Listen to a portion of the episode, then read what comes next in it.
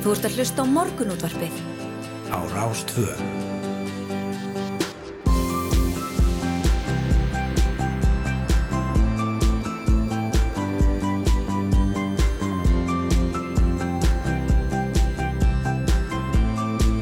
Morgunútvarpið Á Rástvö. Ég góðan að blessaðan daginn, morgunúttarpið tekur hér á stað með ykkur, tekur á loft, ætlaði ég að segja. Já, Snæra Sindardóttir og Yngvar Þór Björnsson uh, og það er þriðdagurinn 8. februar. Ég ætlaði að segja að hann er þið 50 dagur, svo lengi hefur þessi vika verið að líða. já, síðan er oft kannski svona svipaður bragur á þriðdegi og fymtudegi Já. einhverju leiti? Eh, klukkuna vantar tímyndir í sjö við verum hérna til klukkan nýju og vorum hérna frá klukkan sex í gæra að fjallum óveðrið Ymmit. og það má náttúrulega segja að sko já, við fundum eiginlega meira fyrir ferðinni í dag en í gær Já, og vorum vissulega á mjög vel útbúinu bíl í gær en það var mjög þungfart hérna í vestur og bæ já, já, þá ekki til líkingu við veðrið í gær. Uh, þar að segja, gær var vissulega mjög kvast, en að þessu sinni var hreinlega bara mjög ílfært. Uh, ég reyndi að ringja leigubíl í morgun. Það, mér var sagt að það væri mjög lung bíð eftir Já. slíkum bíl. mm. Þó að ég sæði reyndar þegar, þegar ég kerði svo endanum uh, tölvurt af leigubílum Mm. uh, á ferðinni í einmitt. En enga síður full til að, að taka það fram að stoppleðir eru cirka einu halva breytt. Mm Eh, Já, já, einmitt, það, það var einhvern veginn þannig og, og, og maður þurfti einhvern veginn að ég kerði það eftir snjómókstus bíl akkurat var að luksa sinna hluta leiðarinnar en síðan þegar komaði einhverjum aflegjunum þá var einmitt svona erfiðar að komast. Já, virkilega. Og, og það mun taka langan tíma að keira til vinnu í dag fyrir það sem að er að leggja stað svona, já, umsjöliti að mista kosti. og við fjöllum vitaskuld já um það ef það verður einhverja tafir og umferð og, og hvernig ferðin verður og, veðrið. Einmitt. en við fyrir maður þáttinn í dag þá er hann fjölbreyttur, áhugaverður og skemmtilegur Já, Við, eh, já, í lok þáttar kemur Sæfur Helgi Bragason til okkar og ræðir heimi vísindana eins og alltaf raunar annarkvæmt þriðudag og það er venjur samkvæmt bara mikið að frétta og við lökum alltaf til að fá hann til okkar. já, algjörlega Svo er það aktivistinn Edda Falag sem sett á dögunum inn afar umdelda færslu í Facebook-hóp sem berst gegn ofbeldi þar sem hún lísti manni sem hefði að hennar sögn gerð segur um kaup á vændi. Nokkur þjóðþækti menn þóttust kannast við sjálfa sig í lýsingum Eddu og síðan þá hefur hún verið, hefur, hún verið stödd í miðjum stormi á samfélagsmiðlum og í kommentarkerfi veðmeirana. Hún hefur sittið undir hótunum um líflát og ofbeldi, hópnöganir og ég veit ekki hvað og hvað. Já, hún kemur til okkar hér í svona, ja, lókþáttar. Já, já, og við hefum verið duglega að fjalla um um, já, barötuna í eblingu og upp hlukan áttam, þá kemur Solveig Anna Já, við ætlum að halda áfram að fylgja eftir umfyllun okkar um stéttafélagið Eblingu og það verður Solveig Anna sem sagði af sér sem formaður Eblingar í nóamber síðaslinum en er nú snúin aftur í formansframbóði félaginu sem að kemur til okkar. Já, já, einmitt. Og var ég geður að, að, að ég gaggrina fórustu ASI, e, sagði afbyrðlega stemmingur ríkja þar innan e, og, og hérna þannig að það er margt og mikið sem hættir að ræða við hana. Eh, Áskil Brynjar Torfarsson, sérfræðingur í fjármálum og, og doktor í viðskiptafræði, kemur til okkar um korter í átta. Hann skrifaði áhugaverða grein í vísbendingu þar sem að ræður um mikla eignaverbolgu sem byrtist meðal annars í verði á rafmyndum. Hann segir rafmynd ekki vera gjaldmiðl heldur, já, miklu frekar áhættu sama fjárfestingu í óefnislegum fjármálagjörningi og settir unna svona hérna örlítið út á það í greininni að Rúf hefði verið að auðlýsa þetta í kringum jólinn, hvar hægt var að kaupa rafmyndir. Eh, Já. og, og þá geti bann rúsneskra yfirvalda við síndar grefti eftir rafmyndinni e, Bitcoin kalla á frekari skerðingum raforkusölu til loðnubræðslu og álbræðslu hérlendis og við ætlum að ræða áskjörum peningamagn vöxt eigna og rafmyndir en hann segir að þrátt fyrir að sko hinn raunverulega vanda sem þessar rafmyndir valda með þessum verðsveiflum og raforkunótkun bendir margt til þess að tæknin á baki þeim geta orðið mesta tækni framþróun í bankastarðsemi síðan hraðbankin kom fram á sjónasviði. Einmitt. Talað um tækni, einhver. Já, þá eh, vann teimið á bakvið Tvík, tæknivata íslensku kennaran Gull Ekkið um helgina. Þetta er frumkvæmlega keppni á hugmyndastigi sem haldin hefur verið af Icelandic Startups síðan 2008 og Tvík er sér satt einhvers konar gagvirkur kennslu vettvangur sem stiðst við nýjustu máltekni aðferðir til að hjálpa þeim sem er að stiga sín fyrstu skref í að læra íslensku. Um, þetta er svona hérna kannski örlítið óljós skýring en það er alltaf að koma til okkar ja, Gamithra Margra og Safa Jemai og uh, ég segi okkur frá þessu. Einmitt. En upp á þáttar þá fáum við að heyra í Sigriði Björstóttur Sálfræðingi og verkefnistóru hjá Barnahellum. En Barnahell hefur komið að fót nýri fræðslu fyrir fóruldra á aðstanditu barna sem hefur orðið fyrir kynferðsóbildi. En þau eru að sögn félagsins uh, algjörlega ráðalöysir þar að segja aðstandendur þessara barna þegar kemur að því hvernig ég að styðja börn sem hafa orðið fyrir slíkum brotum. Og Barnahell að stiga þarna inn í með ja, fræðslu og, og ráðgjöf til, til einstakra fóruldra. Það verður áhugavert að heyra frá því. Hér á fórsíðu morgublasis er greint frá því að, að þessi komið í ljósa mikla sé í húsnaðinu í skóarlíð 6. Það er félags- og vinnumarkaðs aðráðunetið og heilbyrðisáðunetið til húsa og hafa verið einhver tíma. Nú Gísur Pétursson, aðráðunetistjóri, eh, staðfesti við morgunblæði að koma á eitt mikla og raki hlut af húsnaðinu sem var þar bæðir áðunetin og það er verið að breyðast við núna með því að loka hluta húsnaðis í kellara og vinna að viðgerða áallun, segir Gísur og um að ræða skemmtir í kjallara húsnæðisins þar sem eru bæði skjálagemslur á mötuneyti starfsmanna begja ráðnitana. Þetta einfaldar ég, auðvitað ekki þessa miklu uppskiptingu ráðnita og, og flutting starfsmanna myndi maður ætla. Nei, sko, ef að mér skallast ekki þá flutti ráðnitið í skóarliðina af því að uppkom mikla á gamla staðnum eh, nýri tryggóköttu þannig að þetta viðst uh, eh, já, þetta ætlar að elda þau. Já, já, einmitt, það kemur við þetta fram í morgunblæðin að að ekki hafi tekist að uppræta þessa miklu þarna í átryggakvötinu hún er langlýf uh, Hér á fórsögu fréttablasins er fjallan um eh, flugslýsið í Þingvallavatni og segir að rakning á síma bandarækjamannsins Joss Newman sín, síndi síðdegis daginn sem flugvelin TFABB kvarf nákvæmlega hvar hana var að finna í Þingvallavatni. En leit var þó ekki byggt þangað sérstaklega fyrir morgunin eftir sem að, uh, já, er mjög áhugavert það segir hér bara svo verið sem mikilvæg grundallega gögn vegna leitarinnar um, hafi ekki borist til stjórnunda leitarinnar fyrir lungu eftir að einhverjur björgurinsveita mannana voru konið með þau í hendur. Það hafi tafið leitarna vélinni fram á næsta dag. Mm. en þetta hafi voru þetta greiðilega erfiðar aðstæður þannig að það er, það er spurning. Það er spurning hvað gerist þarna. Já, einmitt Hérna morgunblæðinu er einningur eftir því að mikil óánægja hafi verið með ólitt mat á virði húsa og seyðisfyrði í kjölfar auðskriðunar þar í desember 2020 Það kemur fram í umsögn stjórnar náttúruhamfaratryggingar Íslands um þingsálutuna til og alþingi að hús sem sópuðust burt með auðskriðinni voru greitt út á grundvelli brunabótamats en eh, eigundum húsa sem ekki má lengur búa í vegna nýs áhættumats er búið markaðsvirði fyrir sína regnar og grundvelli laga með varnir gegn snjóflóðum og skriðuföllum og í sumum tilföllum geti munað tögum miljóna á þessum ólíkum fórsendum hvað fólk fær fyrir húsin sín. Svo er mjög skemmtileg frétt hérna á, á fórsýðu rúð.is Lauruglan í Hollandi greindi frá því gæri að hún hefði handtekið þrjá grunaða dúbna þjófa sem gripni voru glóðvolki með fyrraðan fengsinn 26 belgiskar brefdúfur. Já. Yes, það segir hér að, að lauruglumenn hafi stöðað bíl með þremur innanbors, karli og konu frá Úkrænu og hollenskum karlmanni þar sem voru að ferð í sunnanverðu landinu en þau reyndust ekki eina ferð því bílinum voru líka búr með 26 dúfum sem að svo í ljós koma að þau hefðu uh, stólið. Já, mjög áhugavert. Já, ég, ég, bara hvað gerir fólk fremdúr? Sendið e-mail. Já, já, akkurat, akkurat. Herðu og síðan máli nefna það að um, já, eins og við vitum að Björgunarsveitir landsins hafa haft í nóga snúast undarfarnar daga. Og það er greint frá því hérna á fórsýðum Rúf að Björgunarsveitin Þorbjörn í Grindavík eh, hafi verið köllu út í gerðkvöld vegna hárar sjávarstöðum og bát sem var að slíta festa sínar í Grindavíkurhöfn. Eh, þetta kemur fram í fæstlu á Facebook síðu sveitarinnar. Og samkvæmt upplýsingum fréttastofu þá gekk vel að tryggja bátinn. Og það má ráða að þorbreytningar hafi verið í miklum önnum síðustu daga eins og, og margar aðrar björgunarsveitir það er einmitt fjölmennlið frá þeim sem já, tók þátt í leitin af flugvölinni sem hrapaði í Þingvallavatni og aftur fór fjöldi fólks úr þeirra rauðum til leitar við vatnið á sunnudag og síðan var náttúrulega óviðisvaktin þannig að það er hérna því standi ströngu þessa dagana Einmitt. En við þurfum að skipta yfir á fréttastofuna, heyra hvað þau hafa að segja hérna hinum með við gangin og komum svo að vörma spóri með veður og færð og það er full ástæða til að fara rækilega yfir það Já, þessu sinni. Það er gul veður viðvörunni gildi og bara vetrarfærð víða, sérstaklega hérna kannski á Suðvesturhorninu. Þú ert að hlusta á morgunútvarpið á Rástvöð.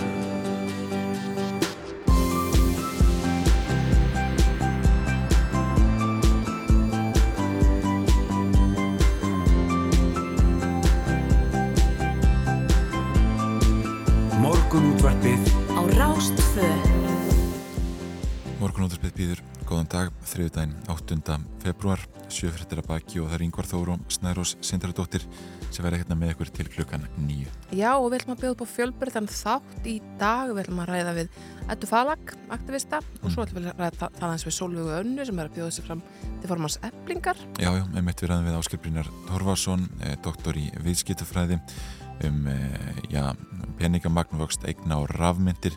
Við ætlum að ræða við Sæver Helga Bragarsson um heimvísindana og síðan við Sigur Vegara Gull Exins eh, eh, það er eh, teimið Tvík teknivati íslensku kynnarin Já, það er íslenskan alltaf. Það er íslenskan, já, og, og þetta eru þau Gamithra Marga og Safa Jimai sem alltaf að ræða við okkur um, um þess að svona þennan gagvirka kjenslu vettvang sem stýst við nýjastu máltækni aðferðir. En er rétt á eftir kemur til okkar Sigriður Björnstóttir eh, sálfræðingur og verkefnastjóri hjá Barnaheillum til að segja ykkur frá nýri þjónustu Barnaheilla til að aðstofa aðstandendur barna eða fjölskyldur þeirra sem hafa vorið fyrir kynfyrsóbildi. Við standum eftir aðfröða fyrir því bara hvernig þau eiga hreinlega að taka utan um börnun sín ekki bókstallegri merkingu en svona komaðum áleiðis eftir þetta mikla áfall sem ofbeldi er. Nákvæmlega. Skulum fara þessi við veður og færð. Það er læðin sem hefur stjórnað veðrunni hjá okkur síðustu daga heldur áfram í dag og á morgun. Læðin fyrir nú að flytja sig um set og verður skamt suðvestur af Reykjanes í kvöld og heldur síðan fyrir sinna áfram til austus fyrir sunnaland og grinnist smám saman.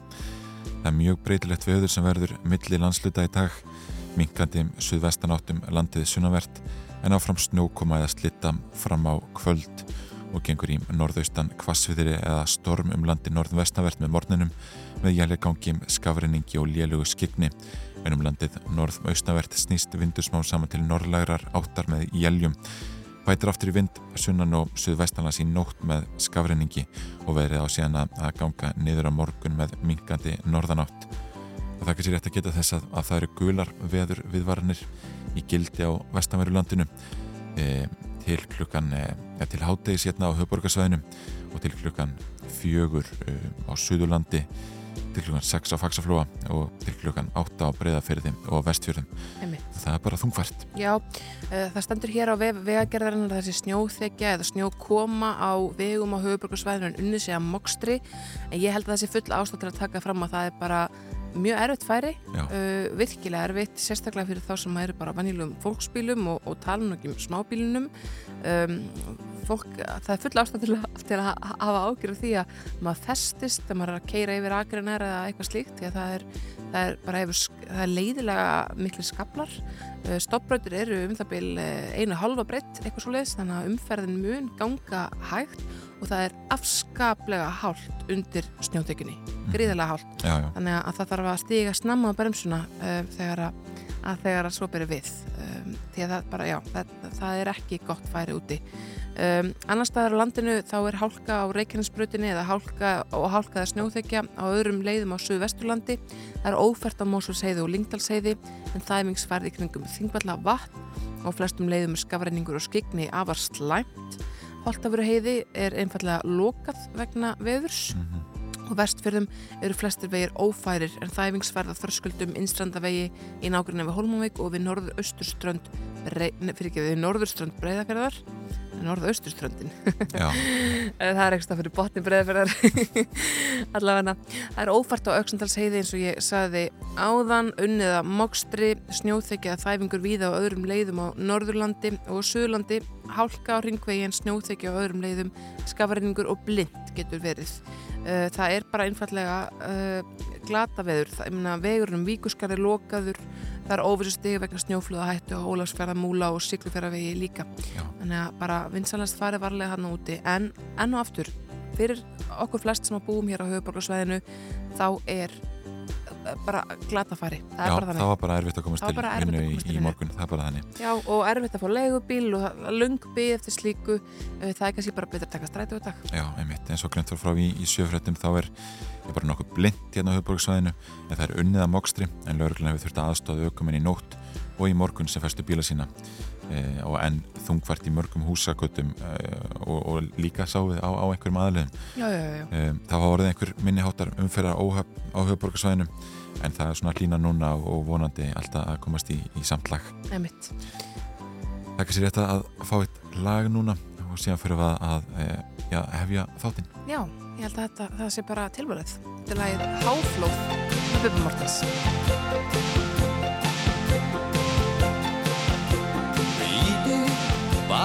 Hvaða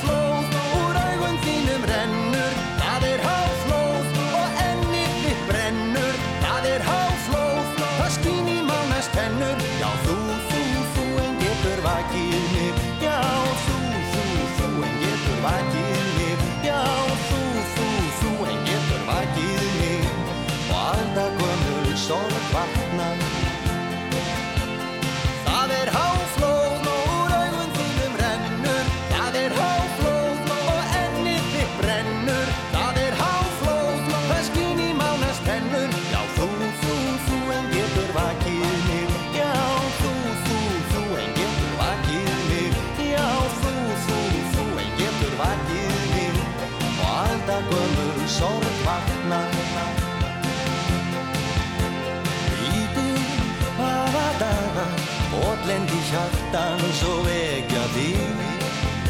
Frá yfir borði hugans, ég horfi nýr í dýpið á sjálfan mig.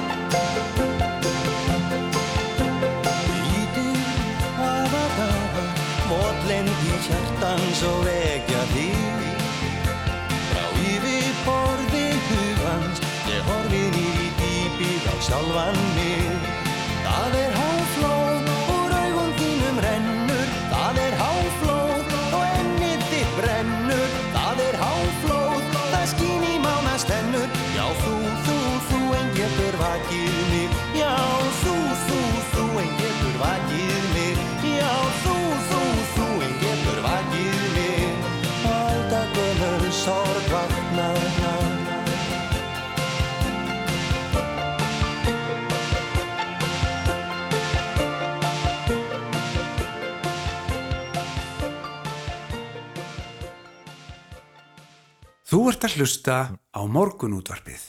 Yngvar, ég fekk þá frábæra hugmynd hérna rétt áðan að kveikja á stóra skjánum sem við erum með hérna inn í hljóðveri, uh, setja olimpíuleikana Já, og mér langar bara að hvetja fólk sem að, eh, hefur tökuð að vera heima í dag að, kveikja sjónvarpinu því að núna er í gangi uh, samhliða stórsvig á snjóbrettum. já, já, hér er Gloria Gottninga að renna sér niður fjallið í rétt í þessum tölu orðum. Já, þetta er alveg ótrúlega flott sport en á eftir þá fer fram sprettganga Karla og Kvenna og þar eru íslenski keppendur. Já, já, Það hefst kl. 7.55, Ísak og Kristrún uh, keppa þar fyrir okkar hönd og svo kl. 8.20 þá hefst 20 kil km skíðaskotfimi Karla sem er ekkert, ekkert sérstaklega leðilegt íþrótt. Það Nei, er bara meila mjög skemmtileg íþrótt. og, og mjög skemmtilega þegar það verður að lýsa þessu sporti einhvern veginn og, og þegar hann, hann, hann Gunnar gerir það til að mynda afskaplega vel. Já, Gunnar Birgisson, hann gerir það mjög vel, ég horfði á hann í gær, Uh, það var eitthvað skonar, um, það var, þau voru fjögur liði uh, tveir kallar, tvær konur það var svona hálfgett bóðhlaup í raun og veru. Mhm. svo bætast við sko refsiringir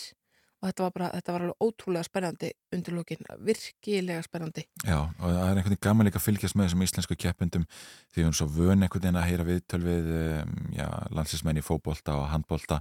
En þannig erum við með svo stórkostlega íþróttamenn sem við heyrum ekki oft í og til að mynda stórskjæmtlit viðtöl við Hólfríðdóru Fríkistóttur sem einarur tók í gær. Og hann talaði um það að það er mikil vombrið að falla úr leik e, já, í fyrirferð stórsveiksins einmitt, e, og verið þá fegin hafi ekki meitt sig. Já, því hún á tvær greinar eftir. Það bara, við bara mælum heiklust með þessu. Kíkiði á rúf.is nei, eða sérst á rúf, ekki rúf.is uh, kveikið einfallega sjónvarpin ykkar og Já. rúf 2, þar er uh, bara nóg að vera í allan dag og, og, og fanta góða lýsingar eins og þú nefnir Já, já, einmitt. Og það er bæðið að sjá hérna í dagskröni á vef Rúf og, og líka eh, sko, heldur ja, íþróttavefsíða Rúf vel utanum þessa viðburði. Hvað er nákvæmlega að gerast hvenar og það er bara nógum að vera uh, sko allan liðlangan daginn aðna, það er bara þannig Já, í raun og veru. Kínverðarnir eru þetta 8 tíma undan okkur uh, sem hefur lítar eitthvað uh, sko dagskrána en, en samt, nógum að vera. Já, já, og uh, í háttegin er liðakeppni í krullu sem við rættum hérna aðeins í, í gær. Já, þeir langar svo í svona krullubuxur. Mér langar í svona norskar krullubuxur. Það er hérna, norska liðið er þekkt fyrir að, að mæta í svona skrautlum og, og hérna köplótum einhvers konar buxum. Halda út í vinsalli e, síðu til að halda utan á það. Þannig að, hérna það er hægt að hafa gaman að þessu líka. Já, þetta er guðvöld sport. Herri við ætlum að fá eitt annan lag og síðan ætlum að ræða þess við já, barnahill Já, hún kemur til okkar Sigriði Björnsdóttir, sálfræðingur og verkefnastjóri hjá Barnaheillum. En Barnaheill hafa komið að fót nýri fræðislu fyrir fóraldra og aðstandendur barna sem hafa orðið fyrir kynferðsóbildi. En að sögn félagsins er fjöldi aðstandenda algjörlega ráð og lausir þegar kemur að því hvernig eiga að styðja börn þegar þau hafa orðið fyrir slíkum brotum. Það hljómar mjög þarft.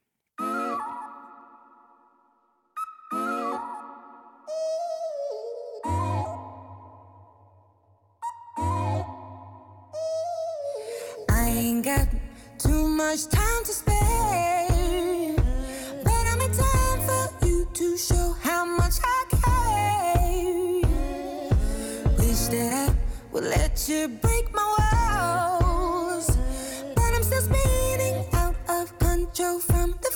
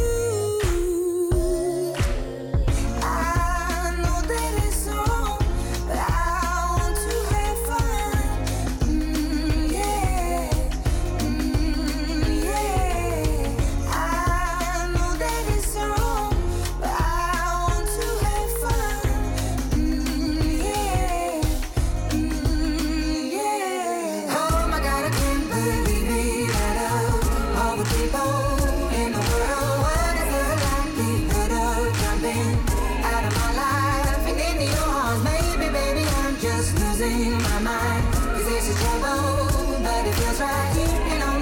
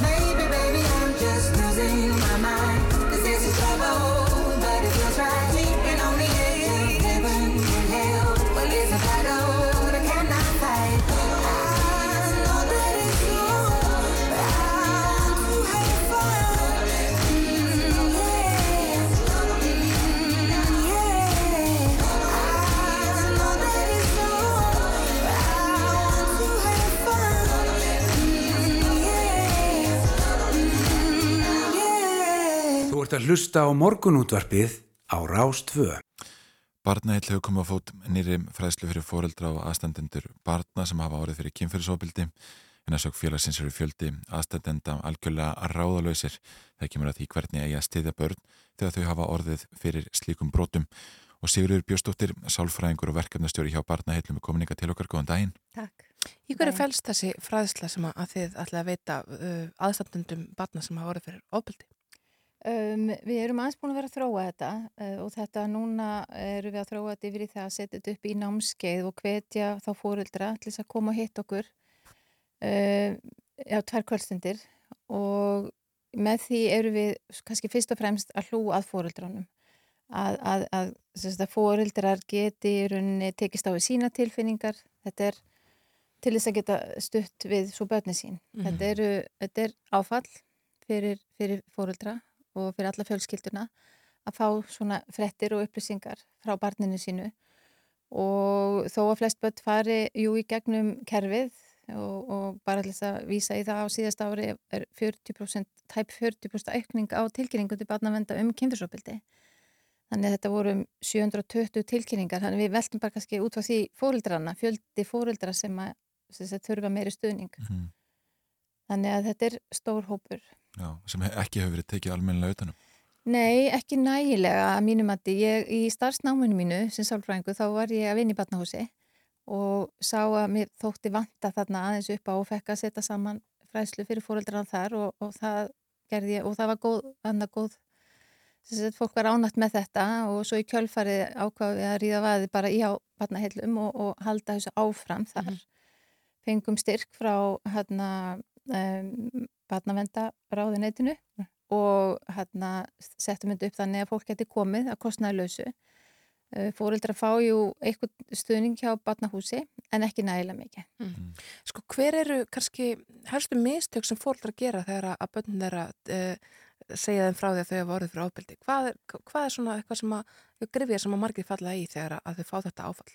Það er unnið kannski tvent aðalega en svo er þetta margt annað en það er þetta þau, uh, þau eru um, þau svona fó- fólki vara við að, að ræða ekki málið og mikið sem það ásannarlega ekki gera Já. en á sama tíma einhvern veginn bakka frá barninu skilur og sína því samúð og skilning og hlusta ég trúi þér, takk fyrir að Mhm. segja frá að því á sama tíma oft eru þessi börn uh, finnst erfitt að hafa sagt frá en eru mjög glöð að hafa náða að gera það Já, en finnst erfitt að ræða þetta við fóreldra sína. Mm. Þannig að, að það að fóreldra bakki örlítið og það verði svona hálfgjör tómarum, börnin verði meira inn í herbyggi og nú er ég ekki alhæfi yfir alla fóreldra Nei, nei, nei, alls en á ekki. sama tíma bara það að, að fóreldrarnir finni það, ok, nú við gerum þetta saman, við komumst í gegnum þetta saman, þetta er erfitt, við munum komast í gegnum þetta og finna leiðin að að hlúa betur að barninu og ná til þess uh, og á sama tíma líka að hjálpa barninu uh, að vinna úr sínu tilfinningum fara ekki of mikið uppná Mhm. það er kannski það, þú veist að fara að ræða þetta of mikið, segja öllum frá þannig við erum líka að hjálpa veist að, að- að gera þetta meira að- auðvitað fyrir eftir aldrei og þróska bassins Mm. hverji fá upplýsingarnar um þetta hverji fá fréttinnar af því og hvernig best er að hjálpa barninu að Mm. takast á við sitt já, og, og hvernig eiga fóreldrarnir að, að ræða við barnið eftir svona erfiðar einslu?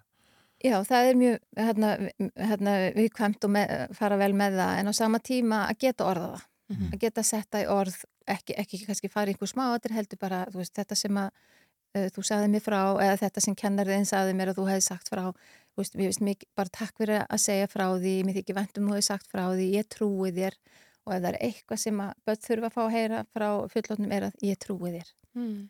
Að því að þau yfirleitt segja frá öru litlum hluta af þessu stóra, þau eru Mhm. fyrst og fremst að kanna viðbröð fóreldra og viðbröð fullorna getur þessi manneski höndlað Mm. upplýsingarna þannig að það að ég trúi þér og við komist í gegnum þetta saman þetta verður svona fjölskyldan sem takist á við þetta saman En af hverju eru börn svona já, meðvituð um viðkvæmni fóreldra sína? Af hverju skilja þau, eins og þú ert að leggja þetta upp, þá hafa þau bara djúpan skilning á því að, þetta verði fóreldra sínum þungbar reynsla? Sko ef að börn hafa ekki fengið uh, fræðslu um að það sé eitthvað sem að má hérna, þetta er eitthvað sem hafa búið að vera brjóta gegn þeim á einhvern hátt sem að yfirleitt er ekki í bara smiðum eða þannig að þau upplifið að, að þetta var eitthvað hræðilegt og ég má segja frá því. Mm. Þannig að oftast er svona ábyldi gert í atlutum, strókum og öðru sem að þau átti ekki á, átti sig ekki á að hafi verið ábyldi fyrir það kannski búið að gerast í eitthvað tíma. Mm. Og þá eru þau fann að kenna sér um. Ég tók þátt í þessu, ég stoppaði það ekki, ég sagði ekki nei, var eitthvað rangt við þetta, mér þykir væntum aðilan Mhm. og allt þetta sem að þau eru að basla við í sínum litla heila og kolli hafa ekki vitneskun um það, þú veist, það að stíga við mörg mín er ekki lægi og ég hann get sagt frá því og fengið eitthvað til að hjálpa mér að stöfa þennan aðila til þess að gera það sem hann er að gera. Þannig að þroskin þeirra er reynilega ekki til staðar. Börn er ekki litli fullotnið, þau hafa ekki skilningin eða getuna til þess að En við erum samt skilja að fyrir fóldrarna verða þetta erfiða fréttir eða? Já, af því að þau uh, upplifa að þetta sé eitthvað sem það má ekki tala um. Sá sem að hefur uh, beittu ofbeldi hefur mögulega ítt því að þeim að þetta er eitthvað, þú mátt ekki segja frá. Mm. Uh, mamma einn fer frá mér eða þú veist, uh, þú lendir í einelti, ég sendi myndirnar út um að skilur það búið að ókna þeim með einhverjum hætti og jafnvel ekki eins og með orðum. Þannig þau hafa upplifunum að þau beri með einhverjum hætti ábyrðaði. Einmitt. Já, þetta er sannlega, sannlega flókið. Já, þetta er snúið. Einmitt, sko, uh, hva, hvað, eins þú nefndir aðan hérna, að fóldrar þurfa einhvern veginn að finna þennan, þetta jafnvægi á milli þess að- að ræða málin en, en ræða ekki um mikið. Uh, hluti af, af fræðslun ykkar lítur að snúast að, að snúa að því, sko, hvernig fóldrar getur sett öðru fullorðnu fólki sem veit mörg, af því að, af því að það gengur kannski ekki upp að batni fari í pössunni af og ömmu eða frendum og frengum og alltaf sé verið að minna það á ábyrði sem það var fyrir eða hvað, hvernig, hvernig veitir þennan veg? Nei, nei, þetta eru við ekki, við erum ekki að ræða það á þann hátt að, að heldur frekar ef að barnið verið orðið fyrir ábyldi og, og kannski þarf að hlúa að barnina vilja ekki endilega fara á staði sem það var vant að fara á. Nú svo ég tali ekki um ef, ef að ábyldi gerðist hjá einhverjum ættingja þá sannarlega þarf barnið ekki fara þangað. Nei, nei, auðvitað ekki. Nei, en ef að, ef að, ef að barninu búið að, að, fara og gista og vera annar staðar að þá er mjög mikilvægt að, barni hafi alltaf tækifært til þess að ringja, það má skipta um skoðun, það má fara heim og svo framvegis en á sama tíma uh, er mjög mikilvægt að nánasta fjölskylda viti hvernig þarf að hlúa barninu en þetta er eitthvað neina ekki, maður fer ekkert í smáatrið, maður er ekki að tala um þetta. En, en ég vil frekar að fóruldra líta á þetta svona ef að barnið hefur orðið handlegsbrotna eða slasast, þú heldur róðinni, þú hlúur að barninu, þú sinni barninu og rannsóknir sína það að stuðningur og gott samband frá fóröldurum stuðlar að betri andleiri líðan fyrir þessi börn frekar en það að þau fá ekki. Þannig að það hjálpar þeim að vinna betur úr þessu fyrr á lífsleginni heldur en uh, og það er frábært að börn eru í dag að segja frá en ekki býða hanglur orðin fullorðin. Og fólk setur sér bara í samband við ykkur hjá barnahell til að fá þessa þjónustu. Já, upplýsingarnar er hægt að finna einu vefsíðun hjá, hjá okkur, já. Sigriði Björnsdóttir, sálfræðingur og verkefnastjóri, takk kærlega fyrir að koma til okkar. Takk.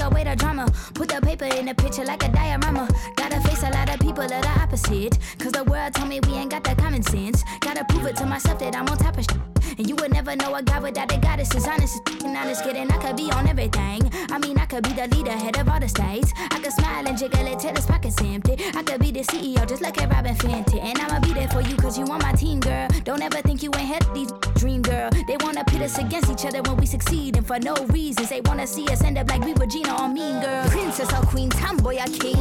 You've heard a lot you've never seen. Mother Earth, Mother Mary, rise to the top. Divine feminine, I'm feminine. Woman,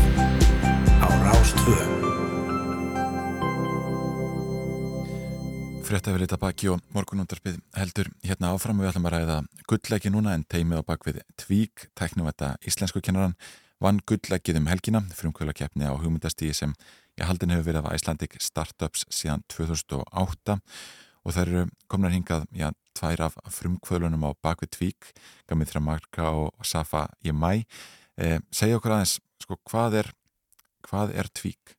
Ja, Tvig, eða tæknivætti íslensku kennarin, er svona löst sem ætlar að hjálpa að fólki að tala íslensku. Mm. Og það er spjallmenni sem leiði fólki í gegnum samtöl, bæði og hljóðið og texta, bara á námsraða nefndans og gæti þess að benda á mistök og bara að kenna á leiðinni. Mm. Uh, hann er sérstakur út af því að við sem að flest upp á námski sem eru núna til eru mjög góð að leggja grunn að læra nýtt, nýtt tungumál Mm -hmm. og kannski mjög góð að leggja nýja hluti á minnið og kenna veist, svona grammar og, og allt það. Svona svo Duolingo eða eitthvað svolítið. Já, einmitt. Já. Það er bara mjög gott til að leggja grunnin að þessari vinnu sem við, veist, sem við erum að reyna að vinna. Mhm. Sem er veist, að þóra að taka, að skrifa, stökkva og byrja að nota tungumálið. Já. bara byrja að tala. Við sumum bara að flest fólk gera fast þarna. Einmitt. Og, og, og hvernig virkar þetta? Ertu, ertu þá einhvern veginn að tala við snjalltækið þitt eh, og, og það leiði þið áfram? E, já, einmitt, þannig hann er að hjálpa ég um að tala, taka áhættu með að segja mistök og svo leiðrétta Mhm. en að framburð og segir hvernig, hvað mikið þú ert að segja þetta rétt. Einmitt. Já. Mhm. Og líka svona bara leiða því í gegnum samtölu. Þú ert ekki að hugsa veist, hvað þú vilt segja. Hann er svolítið bara að spyrja þig og hjálpa þér að spyrja. Akkurat. En hvernig getur þetta forrið sko heyrta þegar að- að einhver segir eitthvað rámt eða? Af Því að, að vandarlega er fólk að tala með alls konar reym og, og hvernig þekkir forriðið Einmitt. þann blæbreiða mun á tungumáli? Já, Það er tæknilega langstæðsta áskorunin á þessu öllu. Það er ekki Mhm. jafn mikið mála að búa til svona. Það er vil sem bara tala við þig eða Nei. býr til textan eða leir til mistök. Framburð þjálfin er einmitt það sem við erum að svona stærsta áskorunin. Mm Og en það er hægt. Það er til á öðrum tungumálum. mhm, Forrið sem heitir til dæmis Elsa Speak á ennsku sem vist leti bara upp á einstaka stafi. Mm. Bara hvernig getur við sagt þennan staf betur. Já. Það er bara eitthvað sem við þurfum að finna út hvernig við getum gert á íslensku. Mhm. Og vin, það er vinna framönda. Mm. Þetta hefur svolítið vantað á íslensku sem sagt. já, algjörlega. Það er basically með að sapna gögnum og þjálfa hérna, reikniritt með hérna, að segja, þú veist, að vita hérna, íslensku orð og Mm. bara seg, hvernig segja það. Já, Já, mhm. Hversu langt eru þau komin í þeirri vinnu? Nú er skutt gullleikið er svona frumkvöla keppni á, á hugmyndastíði. Já. Hversu langt eru þau komin í, í þessari flóknu tæknavinnu? Við erum komið það langt að þrjár dagar síðan það var bara hugmynd og núna er það bara eitthvað sem við ætlum að gera. Já, En einmitt, þú veist, við kertum að gilla ekki nefnd að hugmynda stígi Já. og það var bara hugmynd að einhverju hillu og svo kom gullegið og ætlum bara, bara kýla þetta og fara að gera þetta Mm. og taka þetta í gulleginu Já, og svo unnum við og núna er bara veist, allt annar raunverulegi tekið við já, einmitt. nú þurfum við að gera þetta en við þurfum bara við nöðkverning. Við hérna, ætlum eiginlega að byrja að vinna í dag með að hanna vöruna og bara taka næstu skref. Já, einmitt. En hvenar kviknaði þessi hugmynd upprunlega að fara á stað með tæknivata íslensku kennar? Hvað var til þess að þið eh, fóruð út í þetta? Sko, ég ætla bara að segja aðeins svona bakgrunnsöguna, kannski, bakgrunnsöguna mína. Uh, ég hef búið í kringum þrjú ár samtals á Íslandi Mm. og uh, svona 13 ára uh, ætlaði að læra íslensku og verða íslendingur í bjó í Íslandi þá voru mikið að hlusta rást tvö, skildi ekki neitt. Ó. Einmitt, það er geggja að vera að koma hingað. Já, skemmtilegt. Og svo kom ég til Íslands og ég slæriði á orðin og var svona ágætlega að byrja að skilja en það var ekki fyrir en ég flutti í Sveint í Aldal sem ég bjóða gömlum kindaböndum sem nú kannski að hlusta, hæ, eh, sem töluði ekki einsku og þar þurfti ég veist, að stökkva og bara byrja að nota íslensku Já. og veist, þar lærdi ég einlega íslensku. Það er ekki fyrir en það að ég þurfti að taka þetta skref Já. og ég hef sér það verið að hugsa sko, hvernig getum við gert þetta aðgengilega. Það eru svo margir á Íslandi sem skilja íslensku mjög vel en þóra ekki að taka þetta í samtölum. Já. Hvernig getum við hjálpa þeim að taka þetta skref? Fyrsta hugmyndin var bara að ferja fólki aðalega, tengja fólk við kindabændur og láta þeim taka svona bootcamp út á landi. Emmett. Svo ekki sem við, nei, kannski notum við eitthvað svona app, eða svona notum við kannski Já. fólki að tala í appi, en svo kom þessi hugmynd að spjallmenni. Bara, já, við getum bara sjálfnýmart þetta akkurlega. En þeir lítur að hafa verið sínt bara mjög mikil þólmaði hjá þessum sögfjörböndum í aðaldal sko að því að fyrst að þeir töluðu enga ennsku og, og þú ekki íslensku til þess að- að að læra tungumálu svona vel eins og þú Já. Talar það. Einmitt, náttúrulega þá er ég ekki komin á það, þann stað og núna, Já. en þetta var, víst, langstærsta skrefið, langgerfiðasta skrefið. Og veitir, það var ég bara tilbúin að skipta yfir á íslensku við alla minna vinni. Já. Og hvena vonið að, að þetta tækni, ja, tæknivæti íslensku kennan verði bara full búin og hægt verið að, að nota? Við ætlum að hanna hérna, MVP þannig að það væri gott ef við klárum þetta í sömar. Mm Allavega eitthvað útgáfi sem hægt er að sína fólki. Að, já, gefa út. En við erum líka hérna, með reynslu í máltækni. Ég er búin að vinna til dæmis í samrómi með hérna talróm. Einmitt. Emmitt. Þannig að það væri gott að nota þessa reynslu í þess. Í. Já, já, nákvæmlega. Svo erum við allan líka í Atla hann er hérna. með enna byggagráðu íslensku og mistargráðu máltekni. Og Já, einmitt. Hann þekkir það líka mjög vel. Já, Og þið vonast alltaf til þess að þetta muni hjálpa fjölmörgum? algjörlega. Já. Og fyrst á Íslandi og þurfum bara að sjá til hvernig við getum skalað upp og haft þetta líka flera nöndum, flera tungumálum. Magnað, stór, stórhugar hjá Tvík. Gaman að þessu. Já, nákvæmlega, þrá Marga og Safa í mæ, þakka ykkur fyrir að koma hérna og ræða við okkur Takk. um tæknivata íslensku kennaran og hlaða mikið með sigurinn í gullleikinu. Takk. Morgun útvarpið á Rástvö.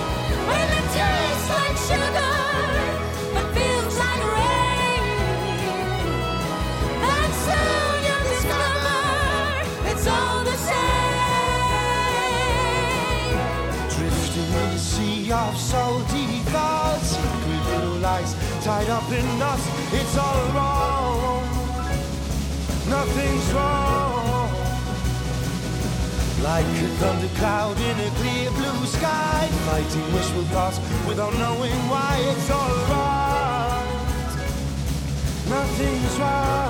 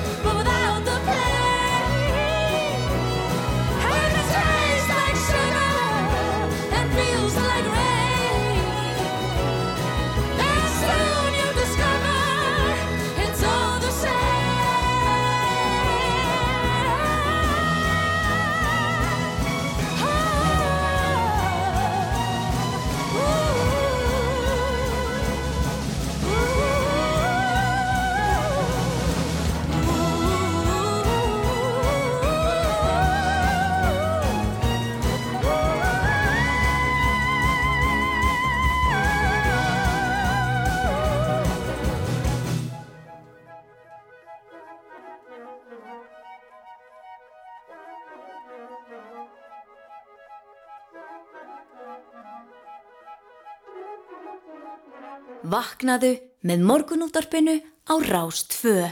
Jú, jú, þetta var Hjaltalín, vita skuld. Einmitt, fallallag. Uh, það er mikil vetrafarið um allt land uh, og það er kannski best, að taka það fram fyrir þau sem að ætla að leggja stað uh, og, vera mætti vinnun okkur nátta að það mun taka tíma sinn því að færðin hér á höfuborgarsvæðinu er einstaklega slæm, miklu verra í heldur en nokkuð mann í gær. Já, já, það bara einhvern veginn er þannig. Og það er líka mikið um vegalókanir hérna í kringum höfuborgarsæðið vegurinn um helliseiði og þrengsli eh, báður lokaðir vegna veðus og staðan verið metið núna já, á næstu, næstu mínundum vantanlega og það er mikil hálka á Reykjanesbrautinni um, og ófart á Lingdalseiði eins farið á Krísavíkuvegi og í kringum Þingvallavatn þannig að það er bara, já, á flestum leiðum skafreiningur og, og skegni slæmt Emitt, ég fekk skilabóð hér uh, frá uh, konu sem var að keira reikinnsbrutina og hún sagði að það hefði reynilega verið rosalegt. Uh, einhverja flugvilar sem að voru uh, hérna, eh, einhverju farþegar eru fastur út í flugvil uh, í Keflavík en, en hérna þá hún reynilega kerði með hjartaði buksunum reikinnsbrutina. En það sama er alveg upp á teiningum hérna í borginni, það er greiðlega hált undir snjóþykjunni, uh, borgar sig að stiga snemma á bremsuna og Já. bara fara af öllum með gátt. Já, það er alltaf gul veður viðvörunni gildi á öllu vestanveru landinu og e, já, bara mikill vindur og, og, og talsveg snjókoma víða. Emitt. En við ætlum að uh, halda áfram með þáttinn. Hann er að síðast, koma sér fyrir hjá okkur Áskir Brynjar Torfarsson, sérfræðingur í fjármálum. Við ætlum að tala þessum gaggarinn hans á Bitcoin. Já, einmitt. Og var það við Solveigunum Jónsdóttur. Hún er að bjóða sig fram aftur til formans eflingar. Já, og svo kemur til okkar Edda Falak.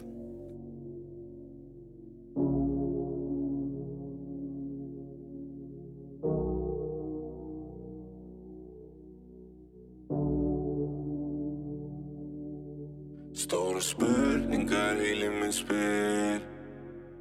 Hjarta mitt er ekki með svar. Ég slegg úr símanum mínu. Bara svo að þú veitir það.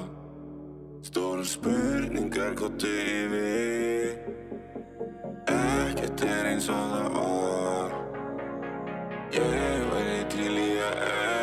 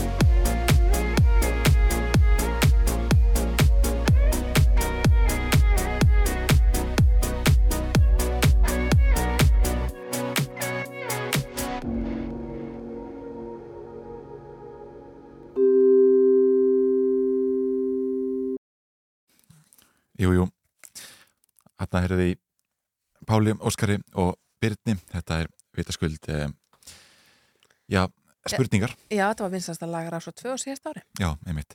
En hérna er komið til okkar Ásker Brynjar Torfason, sérfræðingur í fjármálum.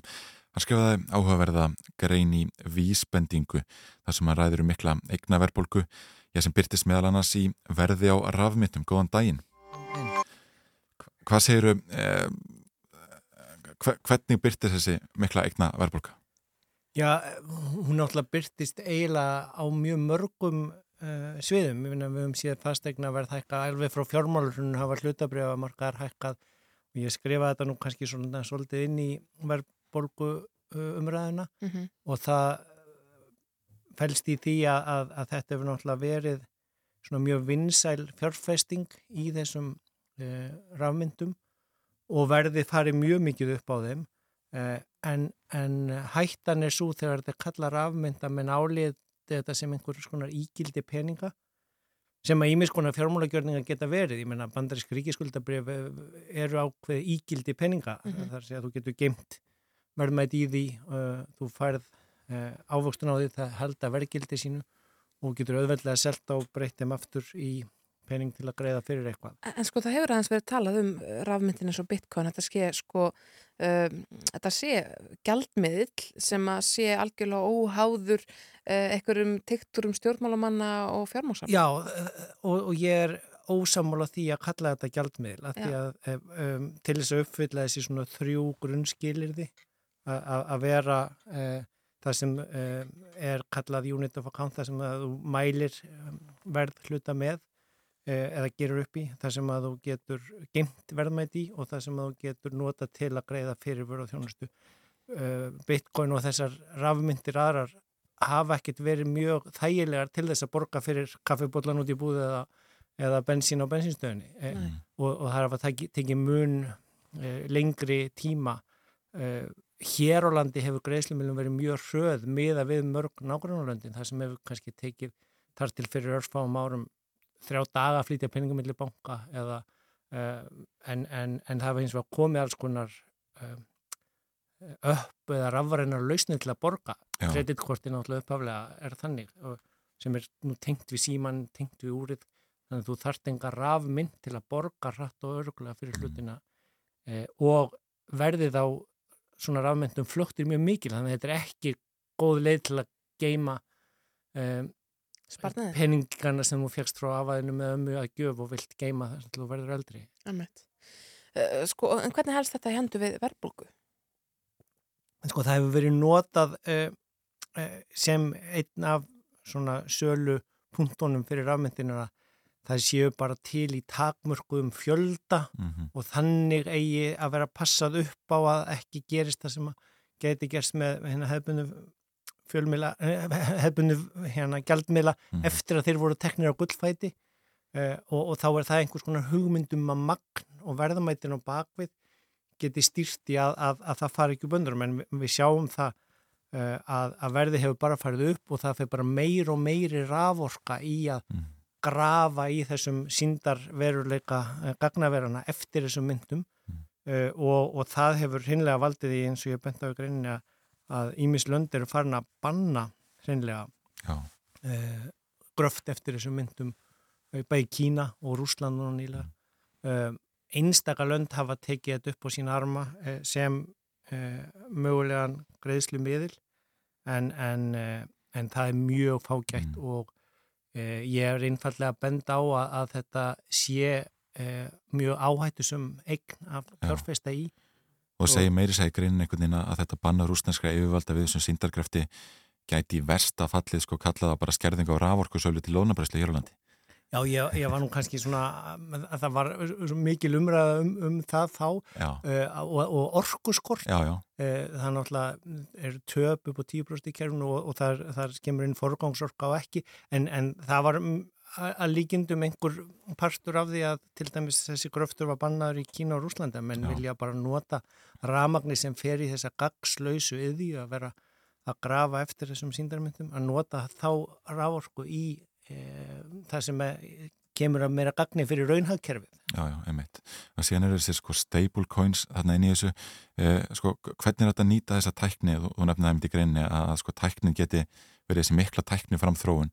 Eh, hvernig er þetta að, nýta þetta til góðs, það, sem hefur í gangi í, í þessum síndarkrafti? Já, sko, Bitcoin og aðra rafmyndi byggja á þessari bálkakeðju eða svona stafræðinni tækni sem að er, er, er, er mjög uh, gagleg fyrir ímsa hluti og er núna komin inn á borð hjá mjög mörgum selaböngum uh, og það eru komnar líka rafmyndir sem eru kallaðar stöðuleikamyndir þar að segja að þær eru þá með á uh, alvöru gjaldmiðl á bakvið sig Mhm. Eh, En við sjáum það úr nýlegum skýslum sem komu frá banderska selabankan til dæmis að, að, að, og maður sá það fyrirhugum svona greiðslumiðlunar um, uh, hugmyndum samfélagsmiðla uh, eins og uh, Facebook sem ætlaði að koma út með svona stöðuleika mynd en, en, en sá, svo hugmynd er í raun og veru bara farin út af borðinu núna vegna þess að selabankanir stóru og reglugjaraðilanir segja við ætlum ekki að vera uh, að standa á bakvið e, það að ef það verður áhlaup á þessa mynd e, sem er með hérna, okkar gjaldmiðl á bakvið sig að við þurfum þá að koma hlaupandi og bjarga því e, kerfi e, eins og þau þurftu að gera með bankakerfi 2008 þannig að, að þeir e, aðilar sem passa upp á gjaldmiðlana, stóru gjaldmiðlana út í heimi eru e, mjög mikið að færast í þá átt að segja að það þurfi bara að vera útgefin rafmynd selabankana ef að þeir eiga að vera að standa á bakveðana eða ef að það eiga að vera enga aðilar eða enga fyrirtæki sem gefa út stöðleikamyndina þá þurfa þeir að fylgja mm, álíka eftirlitskerfi eins og hinn er hefðbundu bankar gera af því að þar eru þeir með þessa baktryggingu selabankans að, að ef að illa uh, árar eða, eða einhverjir stórir aðilar vilja hlaupa út úr kerfinu það verður áhlaup á það að, að þá þarf e, stóran aðil á bakvið eins og selabankana sem við höfum til þess að standa á bakvið gjaldmiðlin og, þeir e, mjög margir selabankar eru farnir að- að íhuga það í mismunandi útgáðum. Kína var að kynna þetta á olimpíuleikunum, e-júanin sinn, Mhm. Evrópski selabankin er að tala um stafræna evru, var bara á þinginu, Evrópþinginu gæri verið um að breytar hafa verið að ræða þetta líka, en þá verður að koma samtal á milli e, hinnar líðræðislega kjörnu fulltrúa þingsins og selabankans að því þetta eru náttúrulega ekki eitthvað sem að embætismenn í selabankunum ákveða einir en, en mann vilja ekki heldur lendi í því að sjá einhverja engaðil að koma upp með e, e, alls konar mismunandi myndir sem þurfi síðan að bjarga með stórum ofnbjörnum aðgjörum og það, það er þess vegna sem þetta er e, yfirvofandi og þarf að fylgjast vel með. Emitt. Við komumst ekki lengra að sinni þetta, við fáum, að, fáum það aftur hérna til þess að ræða alla þessa núansa. Áskri Brynjar Tólfarsson, sérfræðingur í fjármárum. Takk kærlega fyrir komuna í morgunútar. Þú ert að hlusta á morgunútvarpið. Á Rástvö.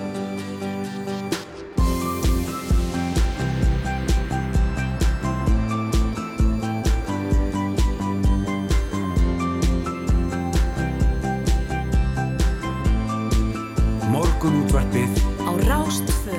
Jú, jú, við höldum áfram hér í morgunútvarpinu eftir þetta frábæra hallegsatriði frá fréttastofunni. Þakkum kærlega fyrir það, Snæra Sindardóttur og Ingur og Björnsson verða með ykkur til hvaðan nýju. Já, já, eins og alla virka daga og henni komin ykkar til okkar Solveigana Jónsdóttir eh, sem býður sér fram aftur til formas eblingar. Góðan daginn. Góðan dag. Uh, segðu okkur Solveig, þú, við skulum bara byrja á gerðkvöldinu. Þú sendið frá þér yfirlýsingu uh, varðandi uh, ASI, þar sem að þú sagði meðal annars að, að ASI var að blanda sér í formánskostninguna hjá eblingu. Getur þú farað að segja þetta mál með okkur? Já, það sem ég er umverulega að segja er það um, og ég bara hvet fólk til þess að fara inn á Facebook síðuna mína og hún er opinn og allir geta að lesa þessa ferslu er að um, ég hef fengið fregnir af því frá um, bara áræðanlegum heimildum fleiri en einum og fleiri en tveimur að um, í dag eigi að halda fund um, all, allra sagt, starfsmanna skrifstofa aðeldafélaga ASI um, og tilgangur þessa fundar sé að samþykja um, álygtun þá til stuðnings starfsfólki skrifstofu eflingar og um, gegn þá frambúið mínu og baráttulistans um, sé þetta raunin sem ég held að sé um, þá er þetta náttúrulega að mínu viti bara ótrúlega svífurðilega yngripp í þá kostningabaráttu sem að hafin er og, og þær kostningar sem að hefjast á morgun.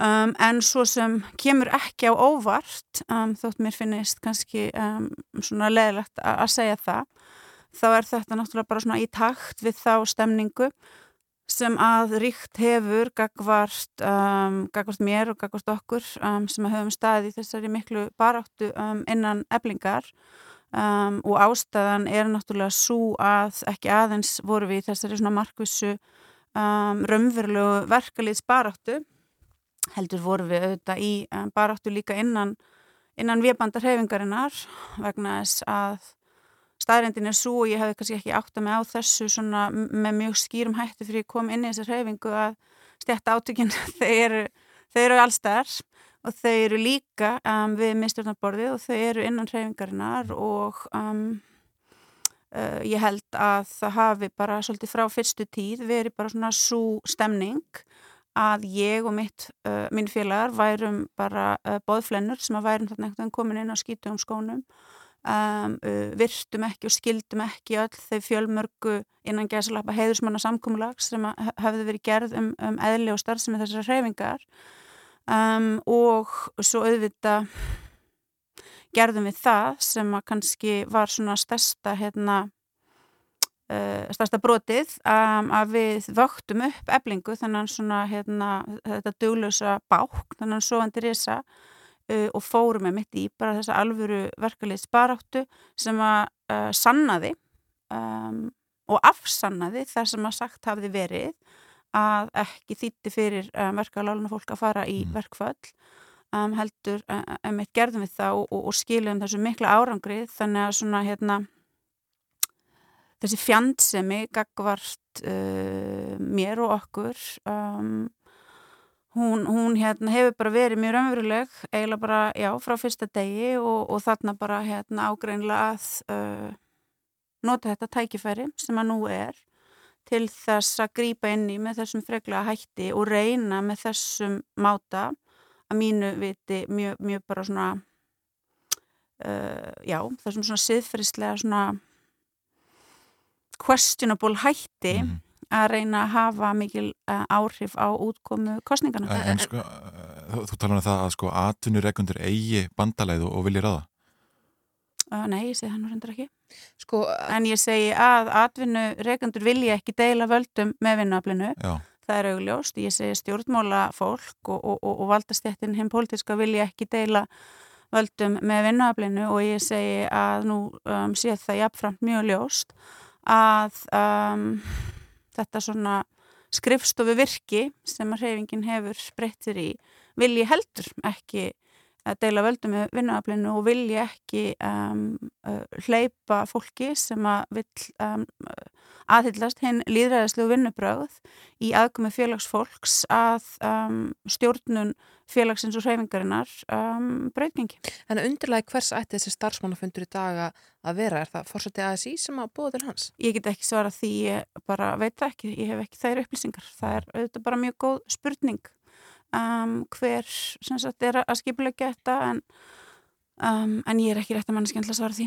En sko, Solveig, getur verið að það sé svona ofbúðslega andstæði við þína stefnu að það sé uh, hver að fætur öðrum starfsfólk til þess að tilbúið að koma fram og segja að ástandi á skrifstofun hafi verið bara, það hefur bara ekki verið vinnandi fyrir einhvern veginn erjum og deilum og, og einelti eins og var sagt hérna fyrir helgi varandi þessa úttekt lífar og sálar.